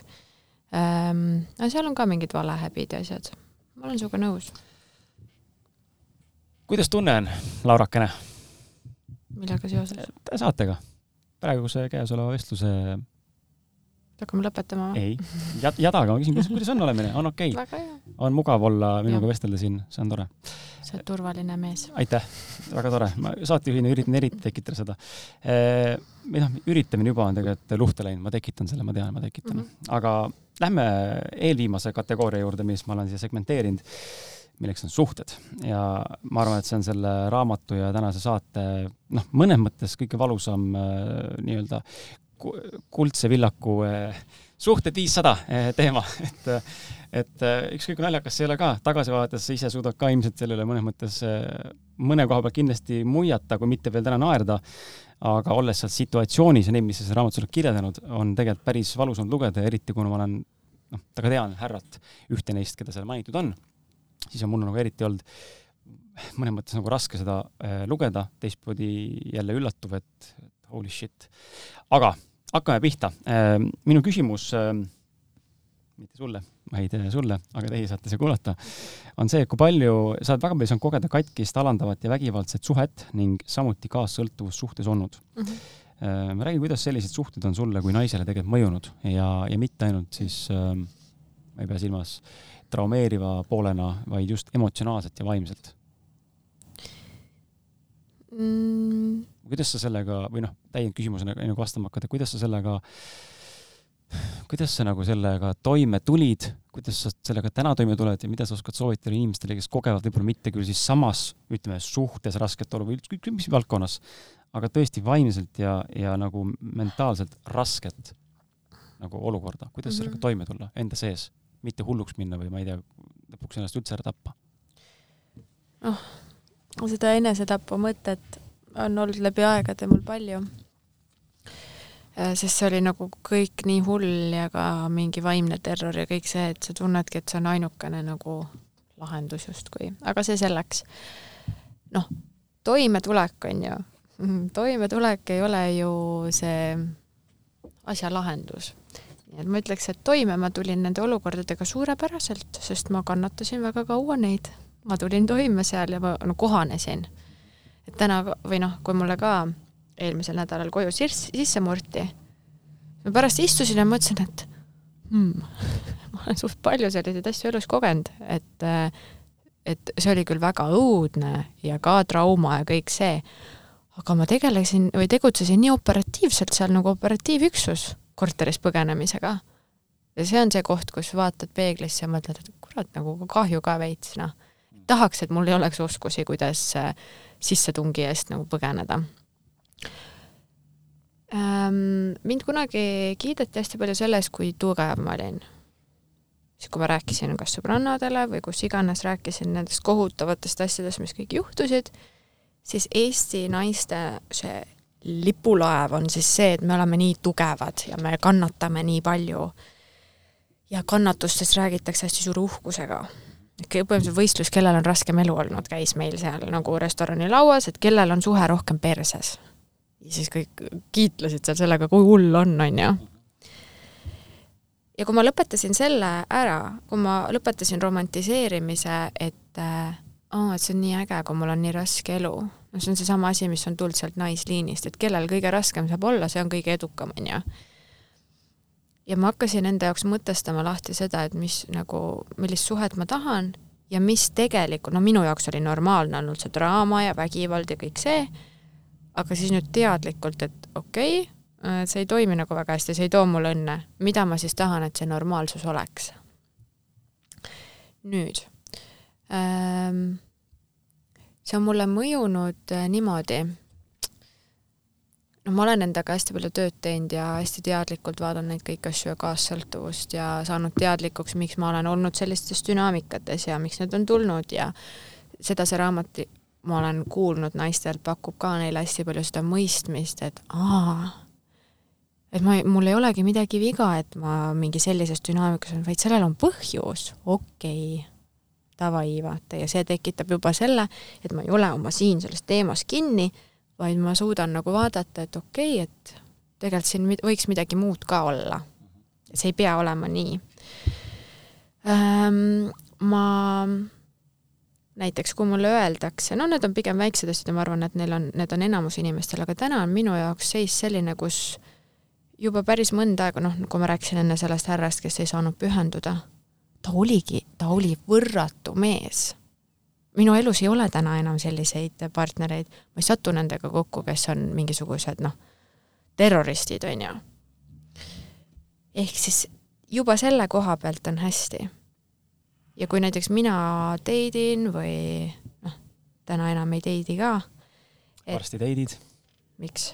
saatekülalistest, vaatajatest on väga palju ka mehi, varsti teidid ei, mind enam ei saa kutsuda ah,. Okay. ma ütlen ei. siis äh, minu teema on see, noh, see on see kaassõltuvuslik dünaamika, et ma ei annaks oma väge ära. et ma jääksin iseendaks, et ma julgeksin olla mina ise ja see tuleb täna kergusega, sest ma olen seda nii palju praktiseerinud läbi erinevate nende dünaamikate, on ju. et ähm, kui keegi ütleb mulle näiteks, Laura meil on vaja rääkida, no see on kõigil, see on kogu ühiskonnal, ma lähen hullult pingesse. Äh, kui, ähm, et need on nagu niisugused väiksed asjad, et minu närvisüsteem tihti ootab hullemat, kui tegelikult tuleb. aga ma olen õppinud ennast maandama ja noh, kuna need mingid baasasjad on lahendatud ja noh, rohkem kui baasasjad, siis ma suudangi va-, jääda nagu vaatlejaks ja vaadata, et okei okay,, et mingi hull hirm tuli üles praegu, et läheb jamaks. või et ma ei tea, keegi hakkab sõimama mind aga kuna ma vaatan, kes mu vastas on, see on normaalne inimene, ma tean, et ta ei hakka mind sõimama. Et äh, närvisüsteem ootab halvemat, kui tihti tuleb, samas ma, ma ei ole täna ärev, ma tunnen ennast suurepäraselt, ma olen väga õnnelik inimene, mu elus on väga-väga toredad, väga hoolivad, väga armastavad inimesed. Ähm, mingil hetkel hakkas see minu blueprint nagu, millisena olid, ma uskusin, et on mehed, on ju, noh näiteks, et kõik mehed on sellised ja kunagi ma uskusin, et kõik mehed petavadki ja ma pean olema siis kõige ägedam naine, keda ei peteta. Läksin kõikide naistega võitlusesse automaatselt, on ju. et siis ähm, ma hakkasin saama läbi erinevate kogemuste kinnitust, et aa, okei okay,, et ma võin ennast nii hästi tunda. see on see raamatus see ravioolide tegemise lugu no vot, ja kui kirjutad niisuguse loo raamatusse ja uus kaaslane seda loeb, see paneb mehena pingesse. et seal oligi nagu kõik asjad justkui olemas, mingid asjad olid, äh, mis mulle, minuga ei sobinud, kellegi teisega need võiksid sobida, on ju. siis äh, ma olen alati olnud selline, et okei okay,, et ma saan niisuguse paketi endale. aga ma ei ole valmis nagu neid negatiivseid hindu maksma. aga see tähendab seda, et kuskil on mees kellel neid nii-öelda asju ei ole, mida ma tahan, aga on kõik asjad, mida ma tahan.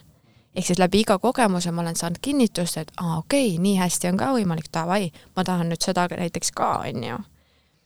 ehk siis ma olen õppinud äh, kahtlema selles, mida mu mõistus mulle väidab. mehi ei saa usaldada.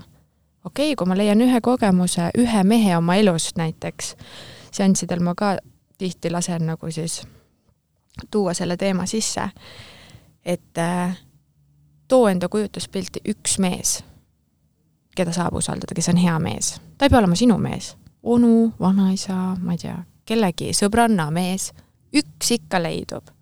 ja kui on üks olemas, siis neid peab olema vähemalt kaks ehk siis me ei, ehk siis me ei veida, väida endale seda universumi tõde. ja sealt on tulnud minu elus hästi suured muutused et ma olengi täna õnnelik ja elu on ilus ja need asjad äh,, sa vist ei jälgi mind Instagramis, ühesõnaga What would Laura do's, räägingi seal, et normaalseid mehi on ka olemas, nagu palun uskuge mind. ärge istuge nende idiootidega seal kodus, kes teid alandavad, on ju, ja nimetavad, ma ei tea, põrsaks, äh, kui sa rase oled ja nii rõvedaid asju toimub. et ausalt on olemas ja läbi enda loo jagamise ma loodan ka naisi julgustada ja mehi ka julgustada, et head suhted on võimalikud. See, kui sa oled tulnud kuskilt vägivaldsest kohast või ma ei tea, kõik vanemad ja vanavanemad on olnud joodikud või no mis iganes, on no nõusid loobitud kodus. see ei tähenda seda, et sa pead elu lõpuni niimoodi elama, sest sa saad tegelikult valida. sa saad valida ma võtan kinni äh, ühest sellest äh, mõttest, mis sa siin alguses ütlesid, kui sa tõid see näite, et äh, laua taga siis sõbrannadega võrrelda, kellel on kehvem, kehvem. tervitan sõbrannasid. kehvem suhe onju, et kas siis ütleme selle näite pealt, et kui fookuses hoitakse seda negatiivset kogemust ja sellele keskendutakse, seda kogu aeg jagatakse mm, -hmm. võin tuua omakorda näite, kui ma räägin sellest enda rahamustist ja nii-öelda raha probleemist kogu aeg, siis mhm. tegelikult ma hoian sellele tähelepanu. see saab kasvada või siis eksisteerida veel tugevamalt ja veel pingsamalt, et kas siis see lahendus või üks lahendustest võiks tegelikult olla see, et me ei räägi nendel teemadel üldse ei. või mm -mm, muidugi mitte. aga kuidas teha niimoodi, et see ei muutu hävituslikuks, sest et kui ma kogu aeg ketran kõigile seda, kogu aeg kurdan, sest me teame kõik neid inimesi, kes on, kellelgi ikka on inimene, kes kogu aeg räägib sulle mm, -hmm. kui pahasti on see, too viies-kuues, ta kogu aeg kurdab ainult, ainult kohver, midagi rõõmsat üldse ei ole. ja siis sa vaatad ta elus ja saadki aru tegelikult, et no tal ongi perses, noh, tal ongi jumala pekkis kõik. ja nüüd on siis vaata see koht, kus mm, noh, kui sa räägid oma sellest probleemist mille all on ju mingi minevikuvalu, me ei tea, kelle oma, vanaema, vanavanaema, vanavanaisa, kes iganes, siis sa oled suunaga minevikku. su ressurss on tohutult, see on see, su ressurss on selle probleemi peal ja siis sa räägid, noh nagu inimesed räägivadki oma kannatustest, siis sa räägid kogu sellest, mis on siiamaani toimunud. ja nüüd ei ole siis see, et me nagu eh, teeme nagu näo, et neid asju ei ole, aga siin oleks vaja nüüd pilk keerata lõpuks ometi tuleviku suunas. ehk siis see, et äh, ma küsin ka, no näiteks kui ma küsin äh, peale lapsepõlve kirjeldust, küsin, et okei okay,, et aga mis me selle töö eesmärgiks paneme? ma ei taha olla ärev. okei okay,, see, me ei saa seda eesmärki sõnastada nii. kuidas sa ennast tunned, kui sa ärev ei ole? kuidas sa ennast tunda tahad?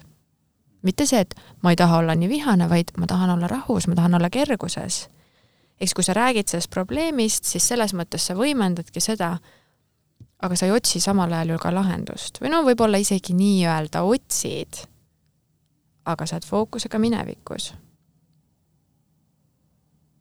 ehk siis äh, oma lugu tasub jagada ja see, aga pange nagu hästi tähele seda, kuidas te seda jagate.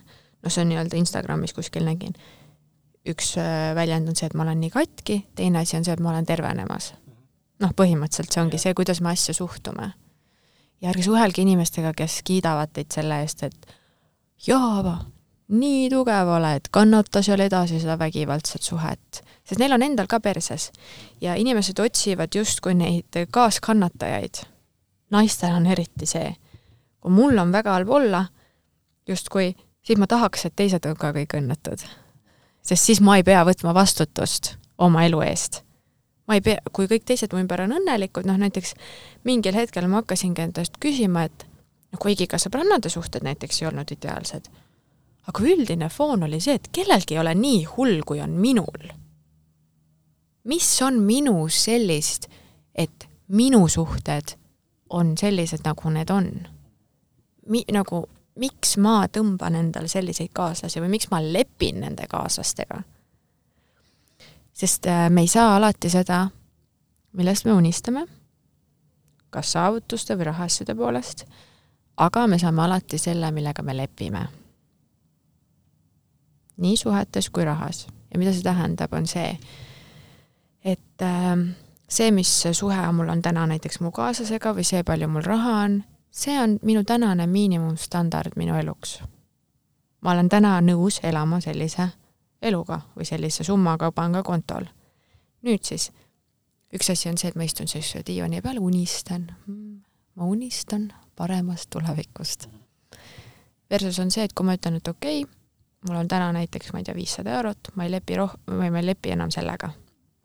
vähemaga niikuinii ei lepi, sest mul täna on viis sotti siis selle asemel, et unistada tuhandest, siis ma ütlen, et mina ütlen hmm,, ma ei lepi enam selle reaalsusega, ma tahan kogeda midagi enamat. ja siis ma lähen ja leian võimalused, kuidas seda kogeda. see on palju tõhusam kui unistamine. see võimaluste leidmine on ka omaette kunst, kohati tundub teinekord, aga noh, see läheb kokku jälle sellega, millest me eelmine rääkisime ka, et et kui me oleme avatud rohkem ja aldid vastu võtma mm. -hmm. Aa, naistel kusjuures vastuvõtmise teema on nagu, no võib-olla meestel ka, ma ei tea nagu mehi nii hästi, on ju, kuidas teie funktsioneerite, me oleme natuke ikkagi erinevad, me ei ole võrdsed. siis äh, hästi või nagu ma kuulen palju ja see on mu enda kogemus ka olnud, et kui ma olen alati pidanud armastuse nimel võitlema või heakskiidu või mis iganes, võitlema, see on olnud võitlus, et välja teenida mingeid asju või tähelepanu, siis kui näiteks tuleb esimest korda su ellu kas mingi töökoht, kas mingi mees, kas mingi naine, kes annab sulle vabatahtlikult kõike seda, mida sa tahad. sa ei pea veri ninast väljas pingutama, et armastust välja teenida, vaid ta ongi noh, näiteks meeste puhul ongi mees on mega kohal ja ütlebki, ma tahangi sinuga koos olla. ja ma tahan sulle pühenduda. niimoodi, et ei pea manipuleerima teda selleks, et seda talt välja saada. siis see tundub alguses väga ebaturvaline. või siis kus on konks või? Et noh, et kus on konks, kus mind nüüd hakatakse ära kasutama, on ju. noh, et, et mingi, et see on mingi nali siin või? näiteks tuuakse siis äh, mingitele naistele hakatakse kingitusi tooma, mõned naised kirjutavad mulle Instagramis, noh, iga mõne aja tagant. Laura, kas see on normaalne, kui mu mees mulle lampi kannab kakssada eurot? siis ma olen mingi, muidugi, võta vastu, ütle aitäh talle, tee talle musu, ütle aitäh, musu, vaata nagu jumal tänatud. et äh, ja asi ei ole isegi nagu rahas siinkohal, vaid et kui sa tahad mind viia spaasse kas see on okei okay? ja siis ma ütlen, et võta vastu, vaata. kui see on hea mees, sa tunned ennast temaga hästi, et siin ei pea konks olema. ja niimoodi me ka harjutame ennast nagu võtma vastu. usaldama. usaldama seda, et jälle üks väike asi, okei okay,, alateadvus saab kinnitust, ei juhtunudki midagi hullu, davai. ja niimoodi step by step saab minna. teraapia lihtsalt veidi kiirendab seda. hüva ähm mulle meeldis väga, mm, ütleme raamatus see lõik, kus sa siis kirjeldasid, et äh, või noh, ma sain aru, et me oleme sinuga samal meelel äh, just selles osas, et inimeste paarisuhted ja ka sõprussuhted ei peaks olema dramaatilised nagu Mehhiko sebid ja mm, -hmm. ja ometi oleme me ise seda kogenud, mina õnneks kogesin seda, issand ma ei tea, kui ammu tõesti, ma olen, ma olen kümme aastat teinud elukaaslasega, mul ei ole sellist Mehhiko suhet täna. see ei tähenda, meil ei ole oma katsumisi või oma mingeid üksikuid äh, nääklemisi või sõnelemisi või eriarvamusi mingil hetkel loomulikult on.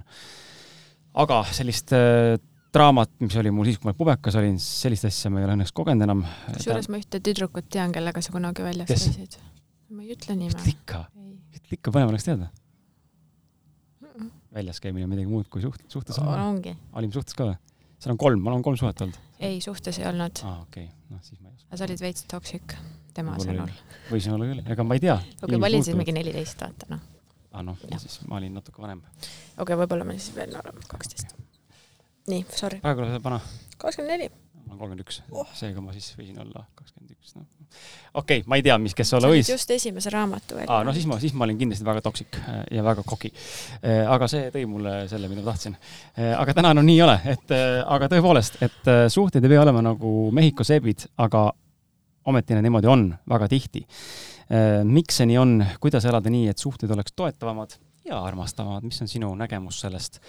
ma mõnes mõttes seda küsimust ma kirjutasin mõnes mõttes on see natuke humoorikas küsimus. Äh, seda peaks küsima minult võib-olla, mitte üldse üleolevalt, aga ma ei tea, kui pikad su suhted on olnud ja kui kogemuse alusel ei ole nad eriti väga õnnelikud olnud mm. -hmm. mingis hetkel kindlasti on olnud, aga ei ole võib-olla kõige õigustatum küsimus, aga mul ikkagi on huvi küsida, sest nüüd oled sa muutunud inimene, nüüd sa oled valgustunud, nüüd sa oled sennis, keskmes, ennast rohkem väärtustav, ennast rohkem armastavam, sa kindlasti oled saanud reflekteerida seda asja, kindlasti näinud kõrvalt mingeid asju. nii et hakake vastama. kõik ootavad põnevusega. Äh, see on jälle see, noh, miks minu e-, suhted olid nagu Mehhikos eepikas, oli see, et ma olin näinud sellist asja ja minu jaoks tunduski see, mitte ainult Mehhikos eepikast, vaid see oligi minu lapsepõlv. tülitsemised, karjumised, noh, nagu ma arvasin, et armastus võrdub kannatused. et armastuse nimel ongi vaja kannatada et äh, see, kui ma olen hästi armukade, siis, äh, siis ma tähendab armastan, on ju. ja nii edasi. ja nüüd on siis see ka, et kui me hakkame mõtestama, mis see armastus siis on, siis armastus ei ole ju vägivald äh,. Andrus kirjutas raamatus ülihästi ka sellest, et armastus ei ole ka armukadedus. armukadedus on hirm armastusest ilma jääda hoopiski, on ju. Et see on see, et mille, mille lipu all me mida teeme. kunagi oli ju see, et kes lööb, see armastab. ja, ja nii edasi. ehk siis ma proovisin seda ebaturvalist värki, minu puhul see ei toiminud ja ma ütlen ka alati seda, et meil on alati valik. kui sa kurdad, et suhe on selline, ma ei tea, mees joob või teeb narksi, siis tegelikult sa valid endal täna sellise mehe, sa ei ole puu, kes on ühe koha peal kinni ja tema on nagu koer ketis ümber puu. vaid tegelikult meil on alati valik ja siis mingid naised, kes nagu või kasvõi mehed ka, kes kohutavalt vinguvad kogu aeg oma saatuse üle, siis ma ütlen, okei okay,, kas teed midagi, et muuta seda? otsid lahendusi nagu päriselt, mitte see, et no ma siin otsin, on ju, jutumärkides. kui ei, siis ära virise. siis olegi nagu, võtagi vastu see, et jaa, ma täna olengi sellises suhtes ja ma tänasel päeval ärkasin üles ja ma otsustasin, ma ei tee mitte midagi. ma naudin seda suhet ja naudigi seda kui kogemust siis ja kui sa oled valmis, küll siis, ja see kannatuste karikas saab täis, küll sa siis äh, hakkad neid lahendusi otsima. aga tegelikult kõik on valikud elus. et kui ma teadlikult valingi selle mingi toxic suhte, et ma tunnen, mul on vaja siin õppetund läbi teha, siis noh, jumal küll, you do you, siis sul ongi vaja õppetund läbi teha, aga ära virise, kurat. aga see Mehhiko seebikate teema, üks asi on see, et millesse me usume Äh, teine asi on ähm, see, et ähm, need draamad ja tülid ja igasugused ka sõltuvuskäitumised ja see kaassõltuvuslik dünaamika ja see avoidant ja äh, avoidant ja see klammerduv. Avoidant on siis eemalehoidev ja klammerduv on siis klammerduv mm,. kõik need dünaamikad tegelikult aitavad meil vältida päris lähedust. nüüd siis Äh, kõik teraapiad eeldusel, noh muidugi tehakse igasuguseid teraapiaid, aga mina töötan äh, selle põhimõttega ja ma ise oma elus ka rakendan seda põhimõtet, ma tahan jõuda järjest suuremasse sügavasse kontakti iseendaga. nüüd siis, kui mina olen näinud iseennast noh, nii, nii, nii sügavalt, näiteks nii sügavalt, on ju, rindkere kuskilt sügavast sopist iseenda valu, iseenda ilu, kõike seda ja nüüd siis näiteks, kui ma läheksin date'ile või üleüldse, kellega ma suhtlen, siis kui tuleb mulle mingisugune mees, kes armastab iga õhtu, ma ei tea, ennast magama juua, no ta ei ole kohal. ja ta ei ole kontaktis iseendaga, ta ei julge oma valule otsa vaadata, sest kõik sõltuvused ja asjad on ju lihtsalt selleks, et saaks hakkama sellega, et mitte vaadata sinna valu poole. siis tema suudab mind vaadata näiteks ainult siiamaale.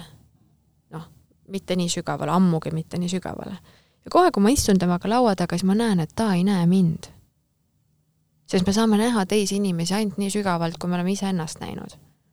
tal puudub võimekus seda teha nii enda kui teiste puhul. ja siis ma täna ei taha sellist meest, sest ma tahan, et mind nähakse siit nagu nii, nii, nii sügavalt minu ilust ja valust ka. ja inimesed, kes on näinud seda väga suurt sügavust enda puhul, kes on iseendaga kontaktis nad ka ei taha draamat. sest see draama toimub kuskil siin täitsa mingi täitsa teises kohas. Vaid kui me tuleme päriselt kontakti, vaatame silma ja sa silma vaadates saadki aru, kui sügavalt ma ka sind näen, on ju, see on see, et kui hästi, näiteks võib-olla sa minuga tunned, et ma ei mõista sind üldse, aga lähed, räägid teise sõbrannaga ja see sõbranna nagu täiega saab aru, on ju, tema näeb sind. Ja seal ühenduse ruumis ei ole mingit draamat. Ja muidugi me võime tülitseda ja kõik see, aga see on teistmoodi, sest me ei saa seda lähedust enam läbi selle närvisüsteemi kõigutamise, vaid see lähedus ongi olemas. ja see on puhas mm.. ma ise, kui ma seda kirjut-, küsimust kirjutasin, siis ma mõtlesin selle peale, et ma olen tegelikult varasemalt kirjutanud äh, ka oma eelmises raamatus sellest ja ma olen teinud ka blogi sellest, et äh, kuidas mina nagu defineerin siis äh, ütleme niisugust intelligentset armastavat suhet. mulle meeldib see sõna intelligentne, sest et suhe saab olla armastav ka, aga, aga, aga samal ajal kui natuke intelligentne armastav suhe, natuke teistsugusem, minu jaoks vähemalt mm. -hmm. ma olen näinud ja see on jälle ainult minu kogemus, me saame ainult rääkida enda kogemusest ja see ei pruugi töötada ei sinu ega, ega mõne muu vaataja puhul, aga see võib, aga see võib töötada. et ma ise olen näinud lihtsalt seda, et avatud kommunikatsioon, läbinisti avatud kommunikatsioon ka sinnamaani välja, kus sa julged oma partneri ees nutta. Noh, ma tõesti loodan, et kodused ikkagi julgevad teha seda, sest et ma saan aru, et teraapias võib-olla on mingi häbiasi või sõbranna ees, et sõbranna näeb tegelikult sinu palet või, või aga noh, oma partneri ees võiks või oma lapse ees mm -hmm. mingid teemadel julgeda nutta, mida on ka mul ja kaasal korduvalt juhtunud, see on tõesti jälle vabastav teistpidi, kui laps näeb, et isa või ema nutab näiteks mingil põhjusel ja siis saab juurde rääkida, miks ma nutan, eks ole mm, -hmm. mis, mis emotsiooni ma kogen. aga see avatud kommunikatsioon ja minu suureks saladuseks selle kümne aasta jooksul on olnud võimalikult palju koos olemine, see ei tähenda, et see võib tähendada inimeste jaoks klammerdumist mõne jaoks kindlasti, et issand jumal, nii palju koos. meie jaoks õnneks on see kukkunud välja sellisel viisil, me mõlemad tunneme, et see on see, mida me soovime kogeda, et võimalikult palju koos asju ette teha. aga me oleme näinud, et selle tulemusena, kui me oleme koos asju teinud või, või käinud ja olnud ja nii edasi, äh, on juhtunud see, et meil on olnud koos kasvamine ja just nagu nii, ma ütlen enesearengu mõttes ja loomulikult suhe ka tänu sellele, aga just see, et kui üks hakkab tegelema enda mingi pasaga, siis teine on valmis kuulama ja minema tegema ka järgmisi samme, et mm -hmm. saada aru, et okei okay,, aga mul vist on ka ikkagi mingi jama. et see on nagu hästi-hästi kihvt on minu meelest, äh, mida kõrvalt nagu näha ja mis on toiminud siis äh, selle kümne aasta suhte jooksul mm. -hmm. jah. sest kui, kui me ei kasva koos, siis me kasvame eraldi. see on see, kui üks hakkab käima teraapias ja teine ütleb, et ma ei taha muutuda, mul on hästi siin, kus ma olen, noh, siis on varem või hiljem kohvrid ju, kas ühel või teisel poolel. jah. ja ma olengi teinud neid kohvreid äh, teadlikult noh, ma ei, peale seda, kui ma läksin lasteisast lahku, siis mul olidki sellised date imised ja ma suhtlesingi erinevate meestega ja see oli hullult õpetav, ärge kartke date imist. kui sa lähed date'ile sellega, et ma noh, et kohtaks ma ainult oma tulevast abikaasat, no siis sa oled juba siuke vastikuse energias veits. Mine suhtle inimestega, sa saad enda kohta nii palju teada väga paljud äh, nii-öelda tarkusterad siit raamatust ongi selle pealt, et ma olen suhelnud nii paljude erinevate meestega, see tähendab, et ma olen seksinud nende kõigiga. aga see tähendab lihtsalt seda, et ma olen iga inimese kaudu õppinud nägema esiteks, mida ma tahan, mida ma ei taha ja kuidas ma ise nagu nendes dünaamikates äh, käitun. ja mida ka mehed tahavad, erinevad mehed? no erinevad mehed jah, selles mõttes, et, et see ongi see, et aga see on ka oluline koht, näiteks väga paljud naised käivad date idel mm,? võib-olla mehed ka.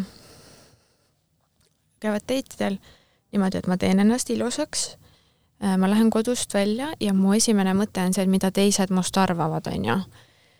kuidas esimesel kohtingul jätta endast võimalikult hea mulje aga see ei ole ju noh, siis me lähme ju rolli etendama ja mõlemad etendavad seda rolli ja siis kolme kuu pärast tekib tunne, et oot, et kes see inimene üldse on.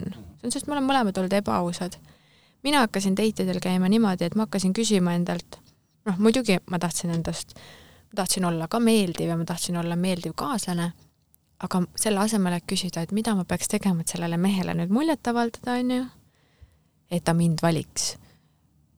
kas mulle tema seltskonnas meeldib olla? ja siis kaob ära ka nende allahindluste tegemine selles võtmes, et kui ma tegelikult tunnen ennast temaga halvasti, ma ei taha temaga suhelda hästi lihtne, nagu selles mõttes, et kuidas mina ennast inimestega tunnen. mitte see, et ma, mida teha, et nad ennast tunneksid minuga hästi, et nad mind valiksid, see on ka mingi lapsepõlve teema jälle, vaid kuidas mina tunnen ennast siin seltskonnas näiteks täna. sest äh, väga paljud naised küsivad miks küsimusi, miks mu mees teeb seda, kust kurat mina tean oluline ei ole, miks ta nii käitub, vaid oluline on see, kuidas sa tunned ennast, kui sinu partner käitub nii. ja nüüd siit edasi, noh, siin on vaja vastutust ka võtta, muidu ei ole mõtet küsida seda küsimust endalt. kui sinu kaaslane käitub sinuga pidevalt nii, siis kas sa tahad temaga koos olla? mitte see, et miks, miks, miks, vahet ei ole, miks, me oleme kõik arenemisvõimelised inimesed. kui mina näen, et ma teen oma mehele haiget siis ma ei ütle, et aa, mul pohhui, ole ise oma tunnetega. vaid ma ütlengi, et okei okay,, ma ilmselgelt ei taha ju niimoodi käituda. teeme midagi, lahendame selle olukorra ära. mitte see, et äh, mul ei ole, mul ei ole areneda vaja. kõik probleemid on sinul, on ju. et äh, jah äh,. siin on äh, küsimus, järgmine, mis ma tahan küsida su käest, on selline mõnes mõttes äh, poolhumoorikas, aga ma arvan, et väga paljud mehed on ennast äh, selles situatsioonis tundnud. ma kahtlen, et äh, need mehed, kes ma sildistan pahasi poiss, pahadeks poisteks, sellele ise mõelnud mm. on sellele küsimusele, aga oleks, oleks huvitav teada nende käest küsida, pahade poiste käest, et huvitav, miks see nii on. aga küsimus on jah, tõepoolest see, et miks on nii, et naised tahavad väga tihti pahasid poisse, mitte häid mehi mm. ja ja, ja mis see, mis see, mis see nagu varjatud dünaamika seal on ja, ja kuidas saab või kas üldse saab ja kuidas või kas üldse saab äh, see hea mees või hea poiss hmm,, tahaks öelda, kasutada sõna veenda, aga veenda juba nagu vale, aga anda nagu, anda nagu aimusse naisterahvale, äh, nähes läbi seda, et mm -hmm. tegelikult a la noh, sul minuga oleks kõvasti parem suhe, kui mm -hmm. tollega seal, ma näen, ma näen lihtsalt seda, ma tean. ma tean, ma oskaksin sind hoida, vaata. just, ja ma tean, mida ma saan pakkuda. aga miks see valik ikkagi alati on nagu nii vastupidine? mitte alati, aga väga tihti. Siin on, see on väga hea küsimus. kui kuulate, noored poisid, seda. kaamera sulle ka. kaamera mulle, nii. siis äh, sa ei taha olla koos või sa ei peaks, sa võiksid mitte tahta olla koos selle naisega, kes jookseb nende nõmedike järgi. miks? Teismelise eas oli hästi palju, mul olidki mingid sellised eh, nii-öelda parimad sõbrad, kes on olnud igavesest ajast igavesti friend zone'is onju. Nemad olid need, kes tulid mulle peole järgi, kes ma ei tea, käisid, tõid, viisid ja siis ma tahtsin neid tüüpe, kes mind ei tahtnud tavaliselt on siin jällegi see noh, isa dünaamika sellel tüdrukul ka, et isa on olnud kas sõltlane, isa on olnud kas tööl kuskil kaugel, isa ei ole olemas olnud.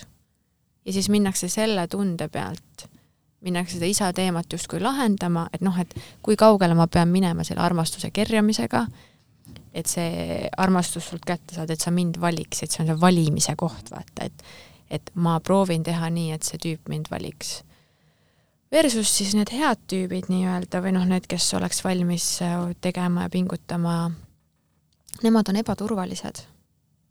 sellepärast et, sama, mis ma rääkisin, lükkab süsteemi erroris, et oot-oot-oot-oot, sa tahad mind liiga palju ja, nagu. Ja nüüd siis ongi see, et need, kes jooksevad nende järgi, kes neid halvasti kohtlevad, nad ei ole endast piisavalt teadlikud. Nad ei ole endaga mingeid baasasju ära lahendanud ja noh, kui me saame täna valida, miks sa peaksid valima selle katkise naise, vali endale normaalne naine, kes oskab sind hinnata. et see on ka meestel see eneseväärtustamise teema, noh, meestel tihti tuleb see sealt, et emaga on olnud kas väga üleseotud suhe või ema pole üldse olemas olnud. Ehk siis sa lähed sellelt naiselt armastust välja teenima, sa küsid ka, et kuidas ma saan sulle näidata, et minuga oleks nii hea. aga tal ei ole seda kogemust, ta ei ole valmis selle jaoks. siis sinu eneseväärtustamise koht on see, sa ei jookse nende tüdrukute järgi, kes sind ei väärtusta, sest tihti, noh, ma räägingi seda, et mees võidabki endale naise, aga naised austavad ainult me neid mehi, kes jäävad selle juures väärikaks. kohe, kui mees hakkab libisema natukene sinna mangumise energiasse, see väärikas meesenergia, see kohalolu ja see tugev ja see, et minu missioon on nagu mingi, ma lähen sinna, sa võid minuga kaasa tulla, kui sa soovid, on ju, minu kaaslasena, aga ma tean mehena, kes ma olen kohe, kui see läheb sinna armastuse palumiseks veits, naiste laustuse tase kohe langeb. sest ma näen, noh, me oleme kõik väikest viisi sadistid. kui ma näen, et okei okay,, sa oled valmis nii palju tõmblema mu nimel või, ja ma tean, et ma kohtlen sind tegelikult halvasti, kuidas ma sind siis mehena austan? ma ei austa sind siis. ja me vaatamegi tihti, kui kaugele me saame need asjad viia. mis on kurb küll, on ju aga ühesõnaga, sina kui, ma ei tea, mitte sina siis otseselt, Kris, aga noh, kes kuulab ja sa tunned, et sa oled see hea kutt, sul on ka teemasid lahendada. see, et sa satud nendesse dünaamikatesse naistega, kes sind ei taha, no see on see, et need naised tahavad kedagi teist, aga sina tahad ka naist, kes sind ei taha. see on täpselt sama dünaamikaga vastupidi ja sellepärast see ju tulebki. ema teemad oleks vaja ära lahendada, võib-olla seal on mingeid isa teemasid ka sest me saame fifty-fifty mõlemalt poolt. ja eneseväärtustamine paika. ja see ongi see, et need alfa ja beeta meels on ju, kes on alfa, kes on beeta. Need alfad on tihti need eh, nii-öelda siis klassikalises formaadis need hästi ebaturvalised mehed või noh, need, kes on julged, äkilised nagu siuksed, ebaturvalisus tuleb seal kaasa. sest me olemegi harjunud ebaturvalisusega. nüüd siis, kui naine on endaga tegelenud, siis ta teab, et ta tegelikult ei taha sellist meest. ja siin tulevad nüüd need beetad mängu. kui sul on kvaliteedid olemas, sa tead, et sa oled nagu high value man, on ju, ehk siis kõrgelt kvaliteetne mees, kui me eesti keeles ütleme, siis tihti, mida need naised sealt alfadelt tahavad, no ma ei räägi nendest kahjustunud naistest, nendest hoidke eemale, las teevad tööd endaga, siis see tihti naised tahavad sealt seda just seda maskuliinset meesenergiat, seda, kes võtaks ja juhiks, kes võtab mul käest kinni ja kellele ma saan alistuda, noh, naisenergiast tuleb ka see alistumise teema see, kes oleks konkreetne, ehk siis need, kes tunnevad, et nad on need liiga head tüübid veits, suurenda endas seda ürgmehelikkust. Tiit Trofimov teeb neid meestelaagreid. sealt mehed tulevad tagasi niimoodi, et need on, hääl on teine. hääl on nagu tiidul. hääl on nagu tiidul ja ongi see, et sellest pehmest energiast, ma ei räägi, et minge vägivaldseks, on ju, aga see lihtsalt, et suurenda seda enda mehisust see on see, mida need naised nendelt nii-öelda alfadelt tahavad. see, et äh, ma saaksin, noh, sest selle juures tihti on see, et kui ma näen, et mees on nii, nii, nii kindel enda teemades ka, on ju, iseenda elus ja siis ma tunnen, et ta suudab mulle ruumi ära hoida, et ta suudab jääda kohale. kui mees on hästi pehme, noh näiteks ma olen seda väga palju tundnud, ma olen nagu päris niisugune frukt ikkagi. mis tähendab pehme, kuidas sa defineerid seda pehmet? No seda, et kui ma tunnen, et mina sõidan sust üle näiteks, ma ei ütle, ma seda tunnen, aga kui ma tunnen, et sa teed kõik, mida ma tahan, või siis sul puudub oma arvamus, sa ütled, Laura äh,, ma ei tea, me võime Valentini puhul välja minna, aga vali koht. ei. ole mees, sina valid, kuhu sa mind viid. aga võib-olla see on just see pool, et ta tahab pakkuda sulle rõõmu, et ja see on täpselt see äh, mommy pleasing, on ju sest meid on õpetatud lapsena või noh, mehi on õpetatud, et kui sa teed kõik nii, nagu emme tahab, siis sa oled tubli poiss. õpetajad on olnud naised. see on see naiste tampimine olnud väiksest peale. ja selle, läbi selle on võimalik kasvada nagu väga selliseks kohalolevaks ja selliseks võimsaks meheks. mitte machomeheks, fa-fa-fa, vaid see, et sa oled kohal ja sa juhid sest meesenergia on juhtimine ja väga paljud naised, see on naiste jaoks ka ju turvaline, naistel tuleb nüüd see, see kontrolli teema. see, et elu on ebaturvaline, nad tahavad kontrollida, nad tahavad tugevad olla. ja siis just mentorlusprogrammi naistega oli ka see, rääkisime nendest mees ja naise energiatest. üks läks siis rääkima, et kallis, et noh, et ma tunnen, meil on need polaarsused veits paigast ära et tegelikult oleks hea, kui sina planeerid mingeid asju ja vastutad ja juhid ja nii. ja siis no nad on suht noor paar sihuke, noored inimesed ja siis see mees ütles, no mida, läksime kokku, üritasin juhtida, sa ei olnud rahul. andsin kogu vastutuse, kontrolli ja kõik asjad sulle, et sa oleksid õnnelik ja nüüd sa ütled ikka valesti.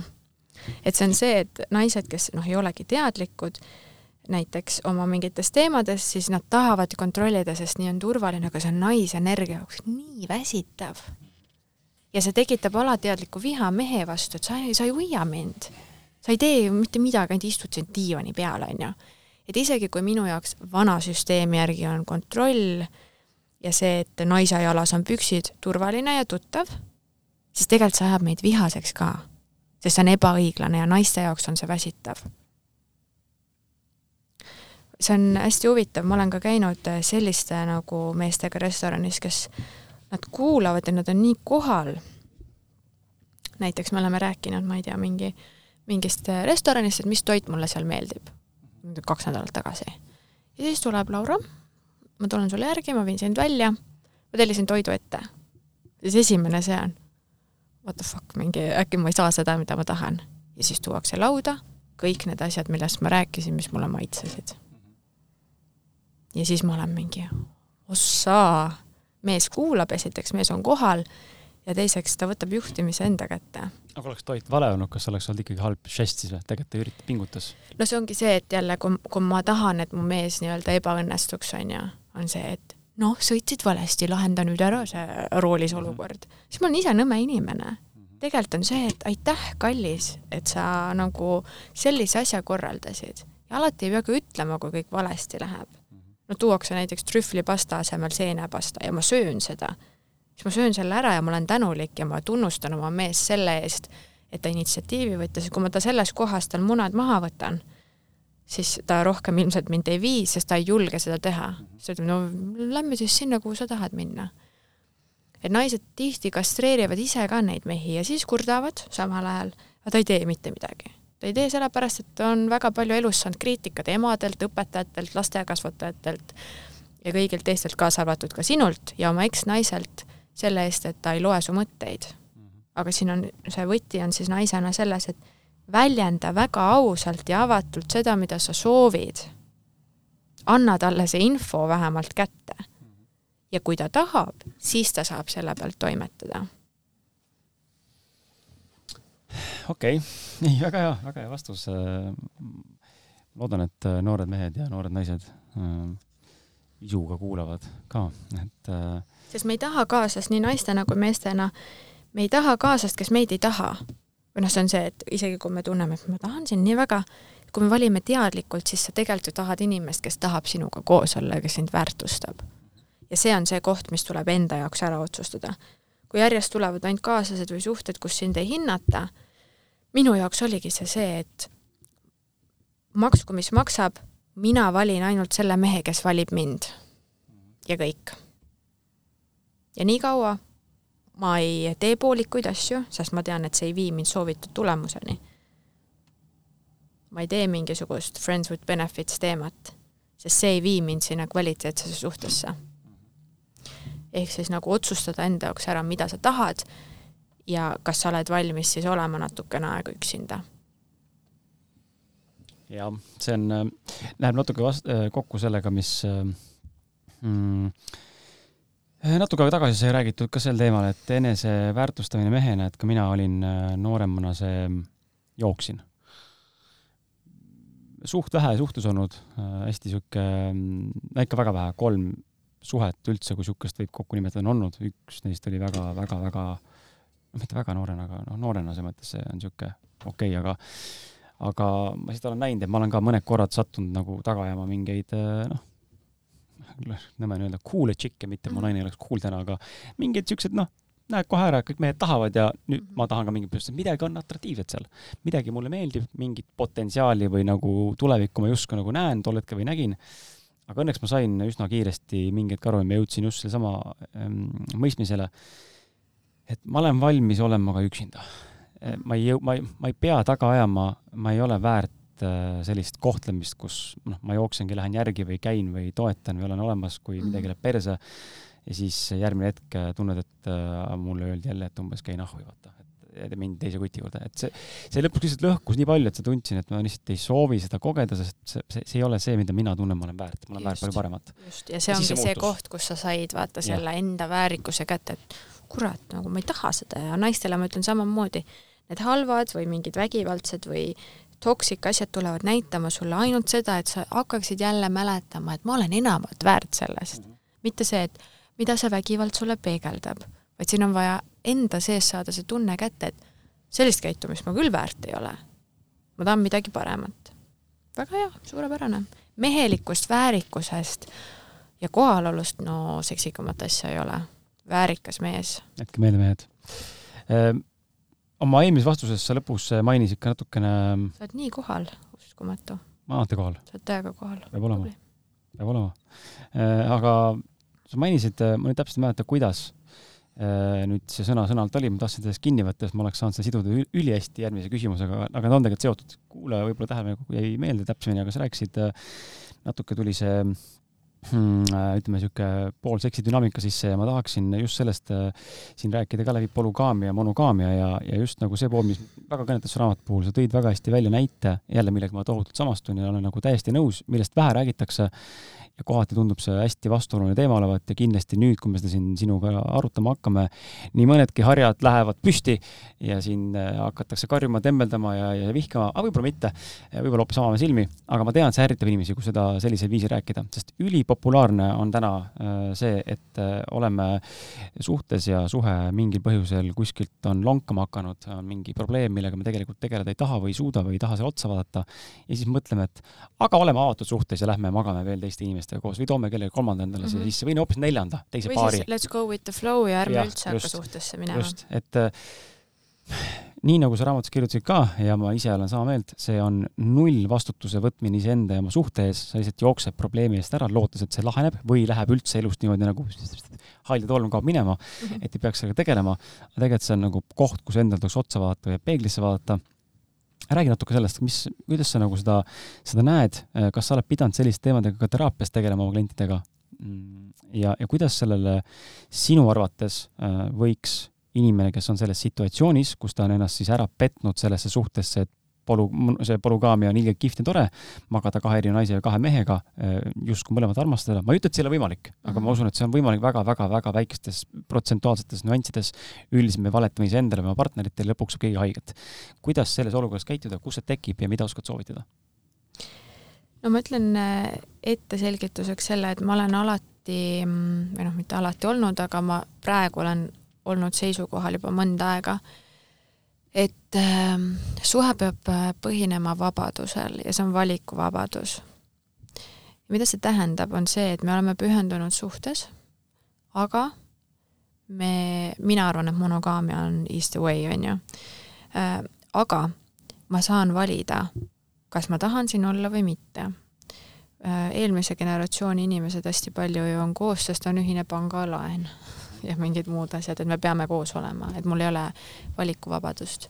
sest tihti on see, et kui ma panen ennast jälle kinni nagu mingisse kohta, ma ei ütle, et see kõigil on, aga ma olen väga palju kuulnud, et näiteks ka meestel seda on, kui ma panen ennast kinni ja ma tegelikult ei saa sada protsenti sealt suhtes kõike, mida ma vajan, siis tekib kohe see, et tahaks ringi vaadata.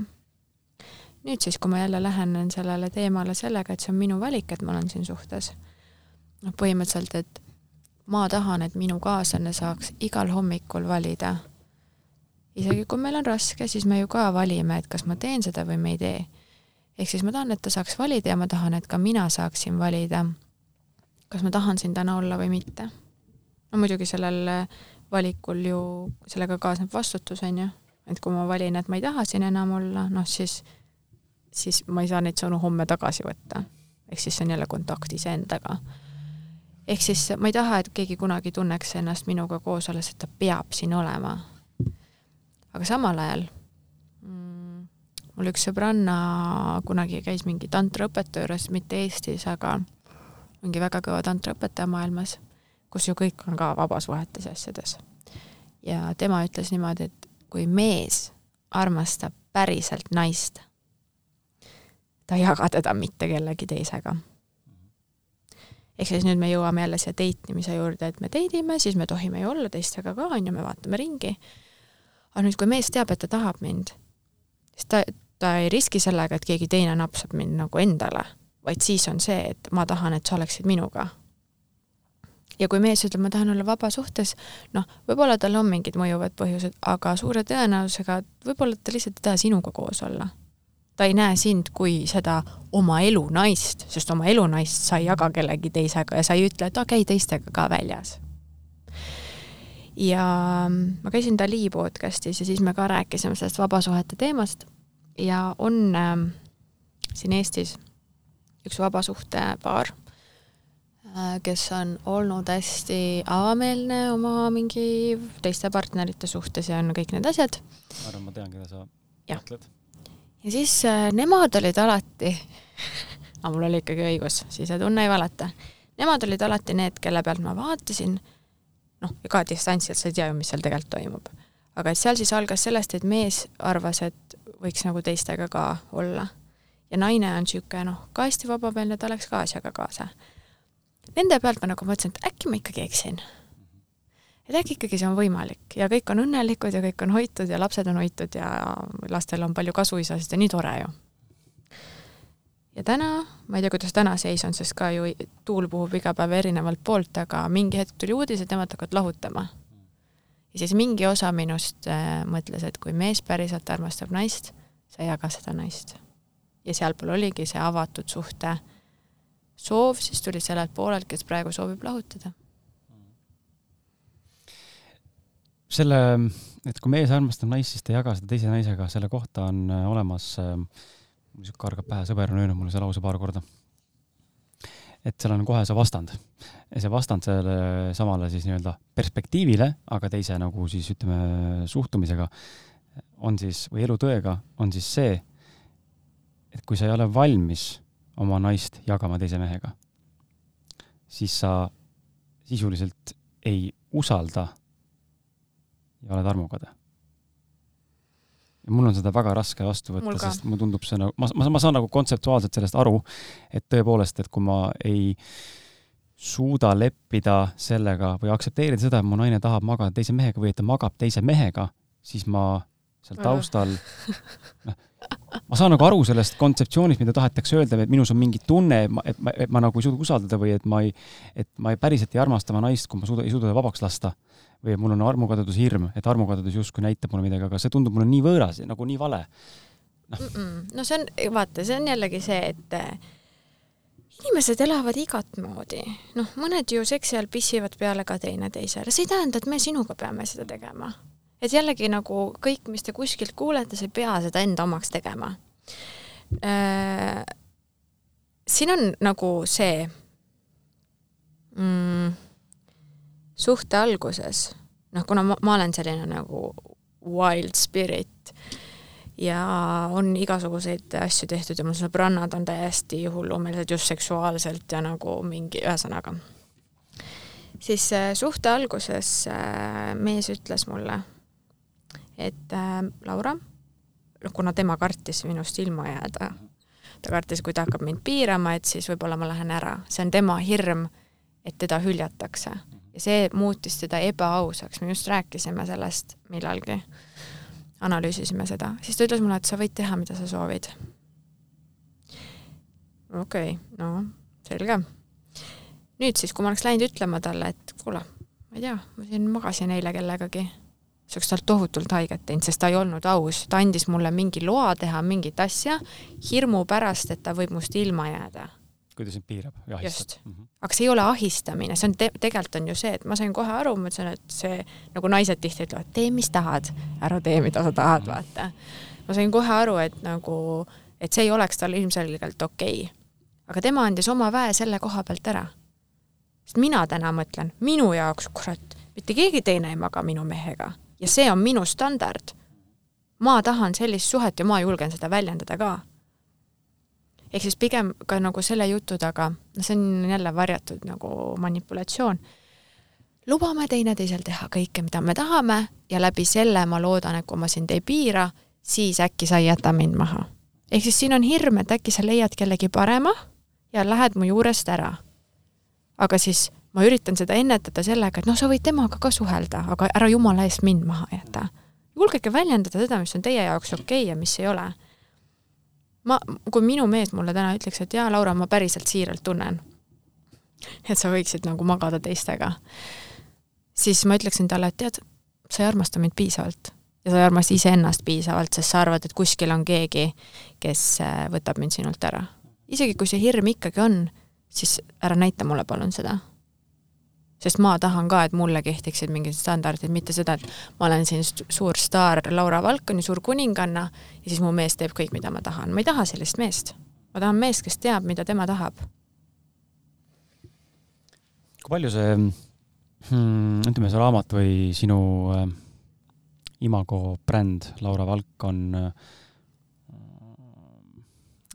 teinud karuteene või hoopis kasuteene sulle selles osas, kuidas mehed sind vaatlevad ja vaatavad ja lähenevad, et äh, okei okay,, sa andsid siin vihje, et sa ei otsi praegu kedagi ja, ja sa ei, ei, ei tule teidile ja sind ei saa kutsuda, aga, aga ometi on äh, sisu äh,, mida lugeda väljas, et kui palju see tegelikult on mõjutanud ja kas sa tunned äh, ma ei tahaks küsida selle läbi selle, kas sa kahetsed seda, sest kahetseda ei mõtle kunagi midagi sellisel juhul, äh, eriti kui see on tehtud südamest ja nagu päriselt äh, autentselt. Eh, mida ma usun, et see on ka, sest seda on tunda. Mm, aga kas see on nagu mõjutanud kuidagi või kas see mõjutab sind kuidagi praegu?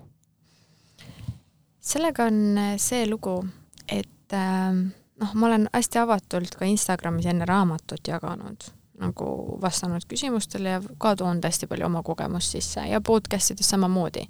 ehk siis ma juba olen olnud avatud raamat. noh, nüüd on siin siis nagu see koht, mis tuntusega paraku kaasneb, et äh, ma ei usalda enam inimesi nii väga.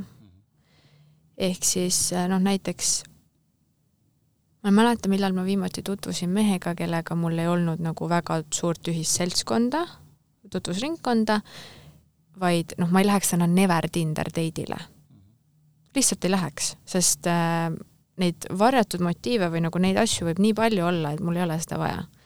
soovituskirjaga tuleb tulla põhimõtteliselt, on ju. et ähm,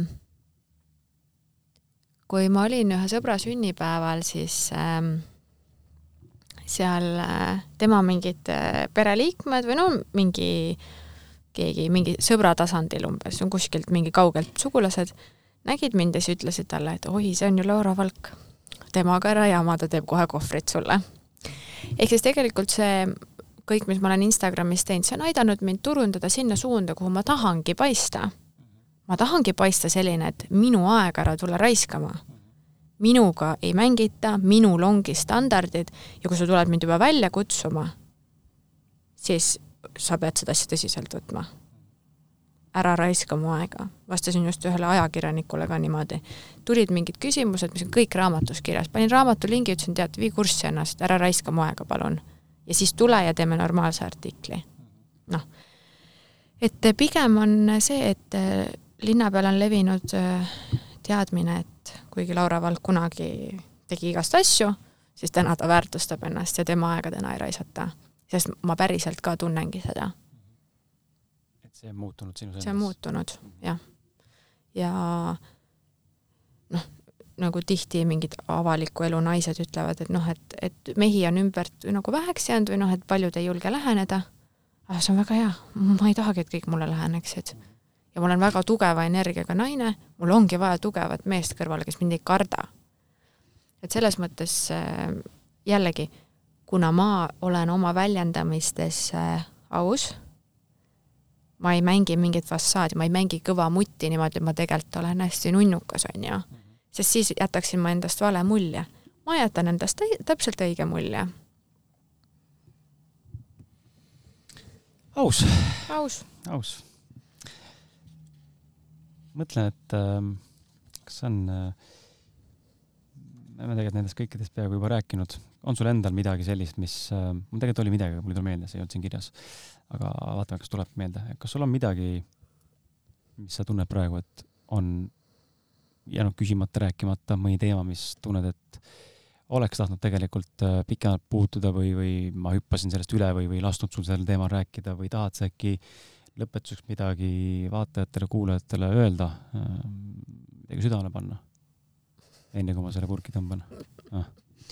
tahan südamele panna seda, et äh, ärge kartke elada. see, kui sa lähed ja proovid ja see ebaõnnestub, kas või kui me räägime date imisest või töövestlustest, millest iganes, see on ka kogemus ja see viib sind tegelikult, kui sa nagu koged seda asja teadlikult, siis see viib sind lähemale sellele, mida sa tahad. ärge kartke vastassugupoolt, ärge kartke eksida, ärge kartke julgeda ennast väljendada, sest parem on vähem inimesi ja teistega aus olemine, kui see, et su ümber on hästi palju inimesi ja tegelikult keegi sind ei tunne. ehk siis äh, ma ei tea, kõik on valikud elus kunagi, kui ma väga rebel olin, see aeg, kus mulle sinu see keegi tuttav sõbranna ütles, et ma olin väga mürgine, sapine, toksik, siis mul sealt tekkis selline väga, eks see on valukohast tulnud, aga see võib olla mõneti ka ohvri roll, mida ma olen lahendanud teraapias pärast ja näinud läbi tegelikult, et see asi ei olnud nagu see, ma ise mõtlesin asja hullemaks.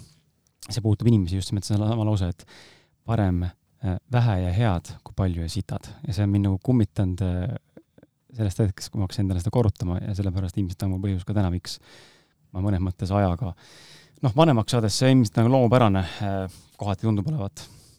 et aga, et me muutume nagu selles mõttes, eh, seltskond läheb kitsamaks kogu aeg mm. -hmm. noh, ma ei otsi enam seda, seda laia, mul ei ole vaja, mul on, mulle piisab, kui siin on üks, kaks, kolm, paar inimest, eks ole mm, -hmm. ja mhm. tegelikult mulle piisab üldse oma naisest ja lapsest, aga, aga ütleme, intellektuaalselt ühiskondlikult eksisteerides, siis jah, mõned sõbrad on, kes on jäänud, jäävad ja, ja see ring läheb kogu aeg kitsamaks iga aasta aastaga, onju.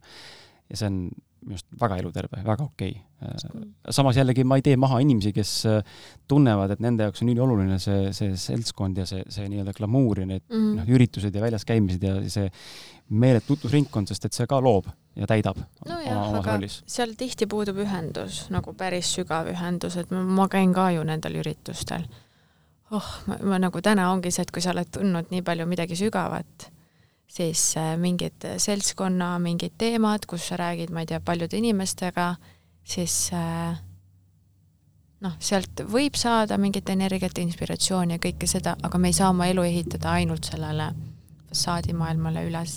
ja need, jah, ja need, kellel on raske, väga raske, sul piisab, et sul on üks inimene, kes on su jaoks olemas ja sa juba saad sealt oma teemast nagu välja tulla, kui see on kvaliteetne inimene, et tegelikult ei ole palju vaja. Head sõbrapäeva! jaa, head sõbrapäeva äh,! aitäh sulle saates osalemise eest äh,! me oleme vestelnud kaks tundi ja kolmkümmend üks minutit. Rõõm, aeg lendab ähm,. raamat on vapustavalt hästi kirjutatud, aitäh sulle, Laura, ja aitäh ka Jesperile, et suudab, suudab leida neid inimesi ja, või märgata ja tegelikult ka anda välja visuaalselt äh, väga mõnusa ja kihvti raamatu, et ma väga, väga hindan Jesperi juures või tema meeskonna juures seda, et need tulevad alati kas siis tema initsiatiivil või autoriga koos, ma seda dünaamikat ei tea, aga, aga kõigi tulemustööl tuleb alati vägev, kihvt, unikaalne, unikaalse näoga raamat. minge ostke, ostma, ostke, minge ostma, ostke raamat, minge ostma, lugege seda päriselt, kui võimalik osta ei ole, siis minge raamat kokku võtke et ma usun, et sealt äh, vaatamata sinu vanusele ja üldse see on tobe nagu koht, kust üldse inimesed üldse kinni võtavad ka, et äh, vanus ei ole mingi näitaja, äh, kui palju inimesel intelligentsust või haritust või, või teadlikkust, et see on väga suur erinevus, kas on haridus või on haritus. et teeks äkki selle selgeks ka.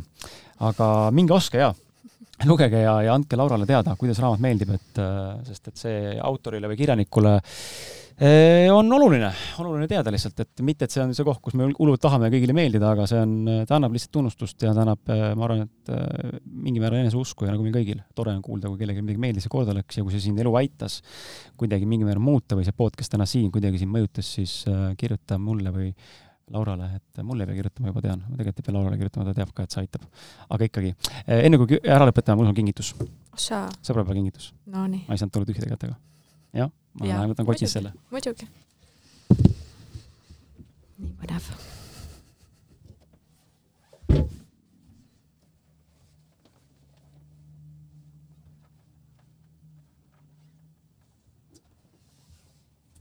ma ei tea, kas sul on see, ei ole? ma ei tea. ei tea, kas sul on või ei ole? ei ole. oi-oi, juba hakkas lendama. aga raamat äh, Kontaktis endaga. nii tore ma mõtlesin, ma toon sulle tegelikult oma teise raamatu, esimest ma ei saa sulle tuua, sest mul isegi endal ei ole seda, see on mu sõbra käes ja neid eksemplare pole. Ja see oli jube kole lugu, et üldse ei tasu lugeda, see oli väga sapine, aga see oli hädavajalik kogemus, äh, mis andis lävepakku ja väga ehe kirjutis, aga teine raamat, Mõistmas, kes ma olen, äh, ma korra mõtlesin seda tuua sulle ka, aga aga võib-olla mõni teine kord tunne ütles, et peaks tooma selle, et see on äh, väga lühidalt siis raamat, äh, see, millest sina räägid, kontaktis endaga olemisest. mitte, et sul seda otseselt vaja oleks veel, aga, aga võib-olla saad siit mõningaid häid mõtteid. et äh, siin on nelikümmend kuus erinevat äh, külalist, kes on esimese saja episoodi sees mul üles astunud mm -hmm., ülejäänud järgmised sada ja pluss, kus võiks ikka sina olla sees ühest nendest ilmub äkki tulevikus millalgi, sest hetkel ma ei tea, kas see tuleb või ei tule, aga, aga lootust on, sest et siin on märgitud ka, et on esimene osa nii et võib-olla tuleb, nii et väike pühendus on ka sees ja aitäh sulle. aitäh sulle, super. ja ega ei olegi muud, kuulake podcast'e ja jagage seda, jagage seda vähemalt ühe inimesega ja, ja ega muud ei olegi. nautige äh, elu ja püüdke siis tegeleda nende traumadega iseseisvalt või minnes siis Laura või kellegi teise spetsialisti või nii-öelda siis inimesega, kes oskab päriselt aidata teid. Äh, ja aitäh ja aitäh sulle ja tšau-tšau. tšau, tšau..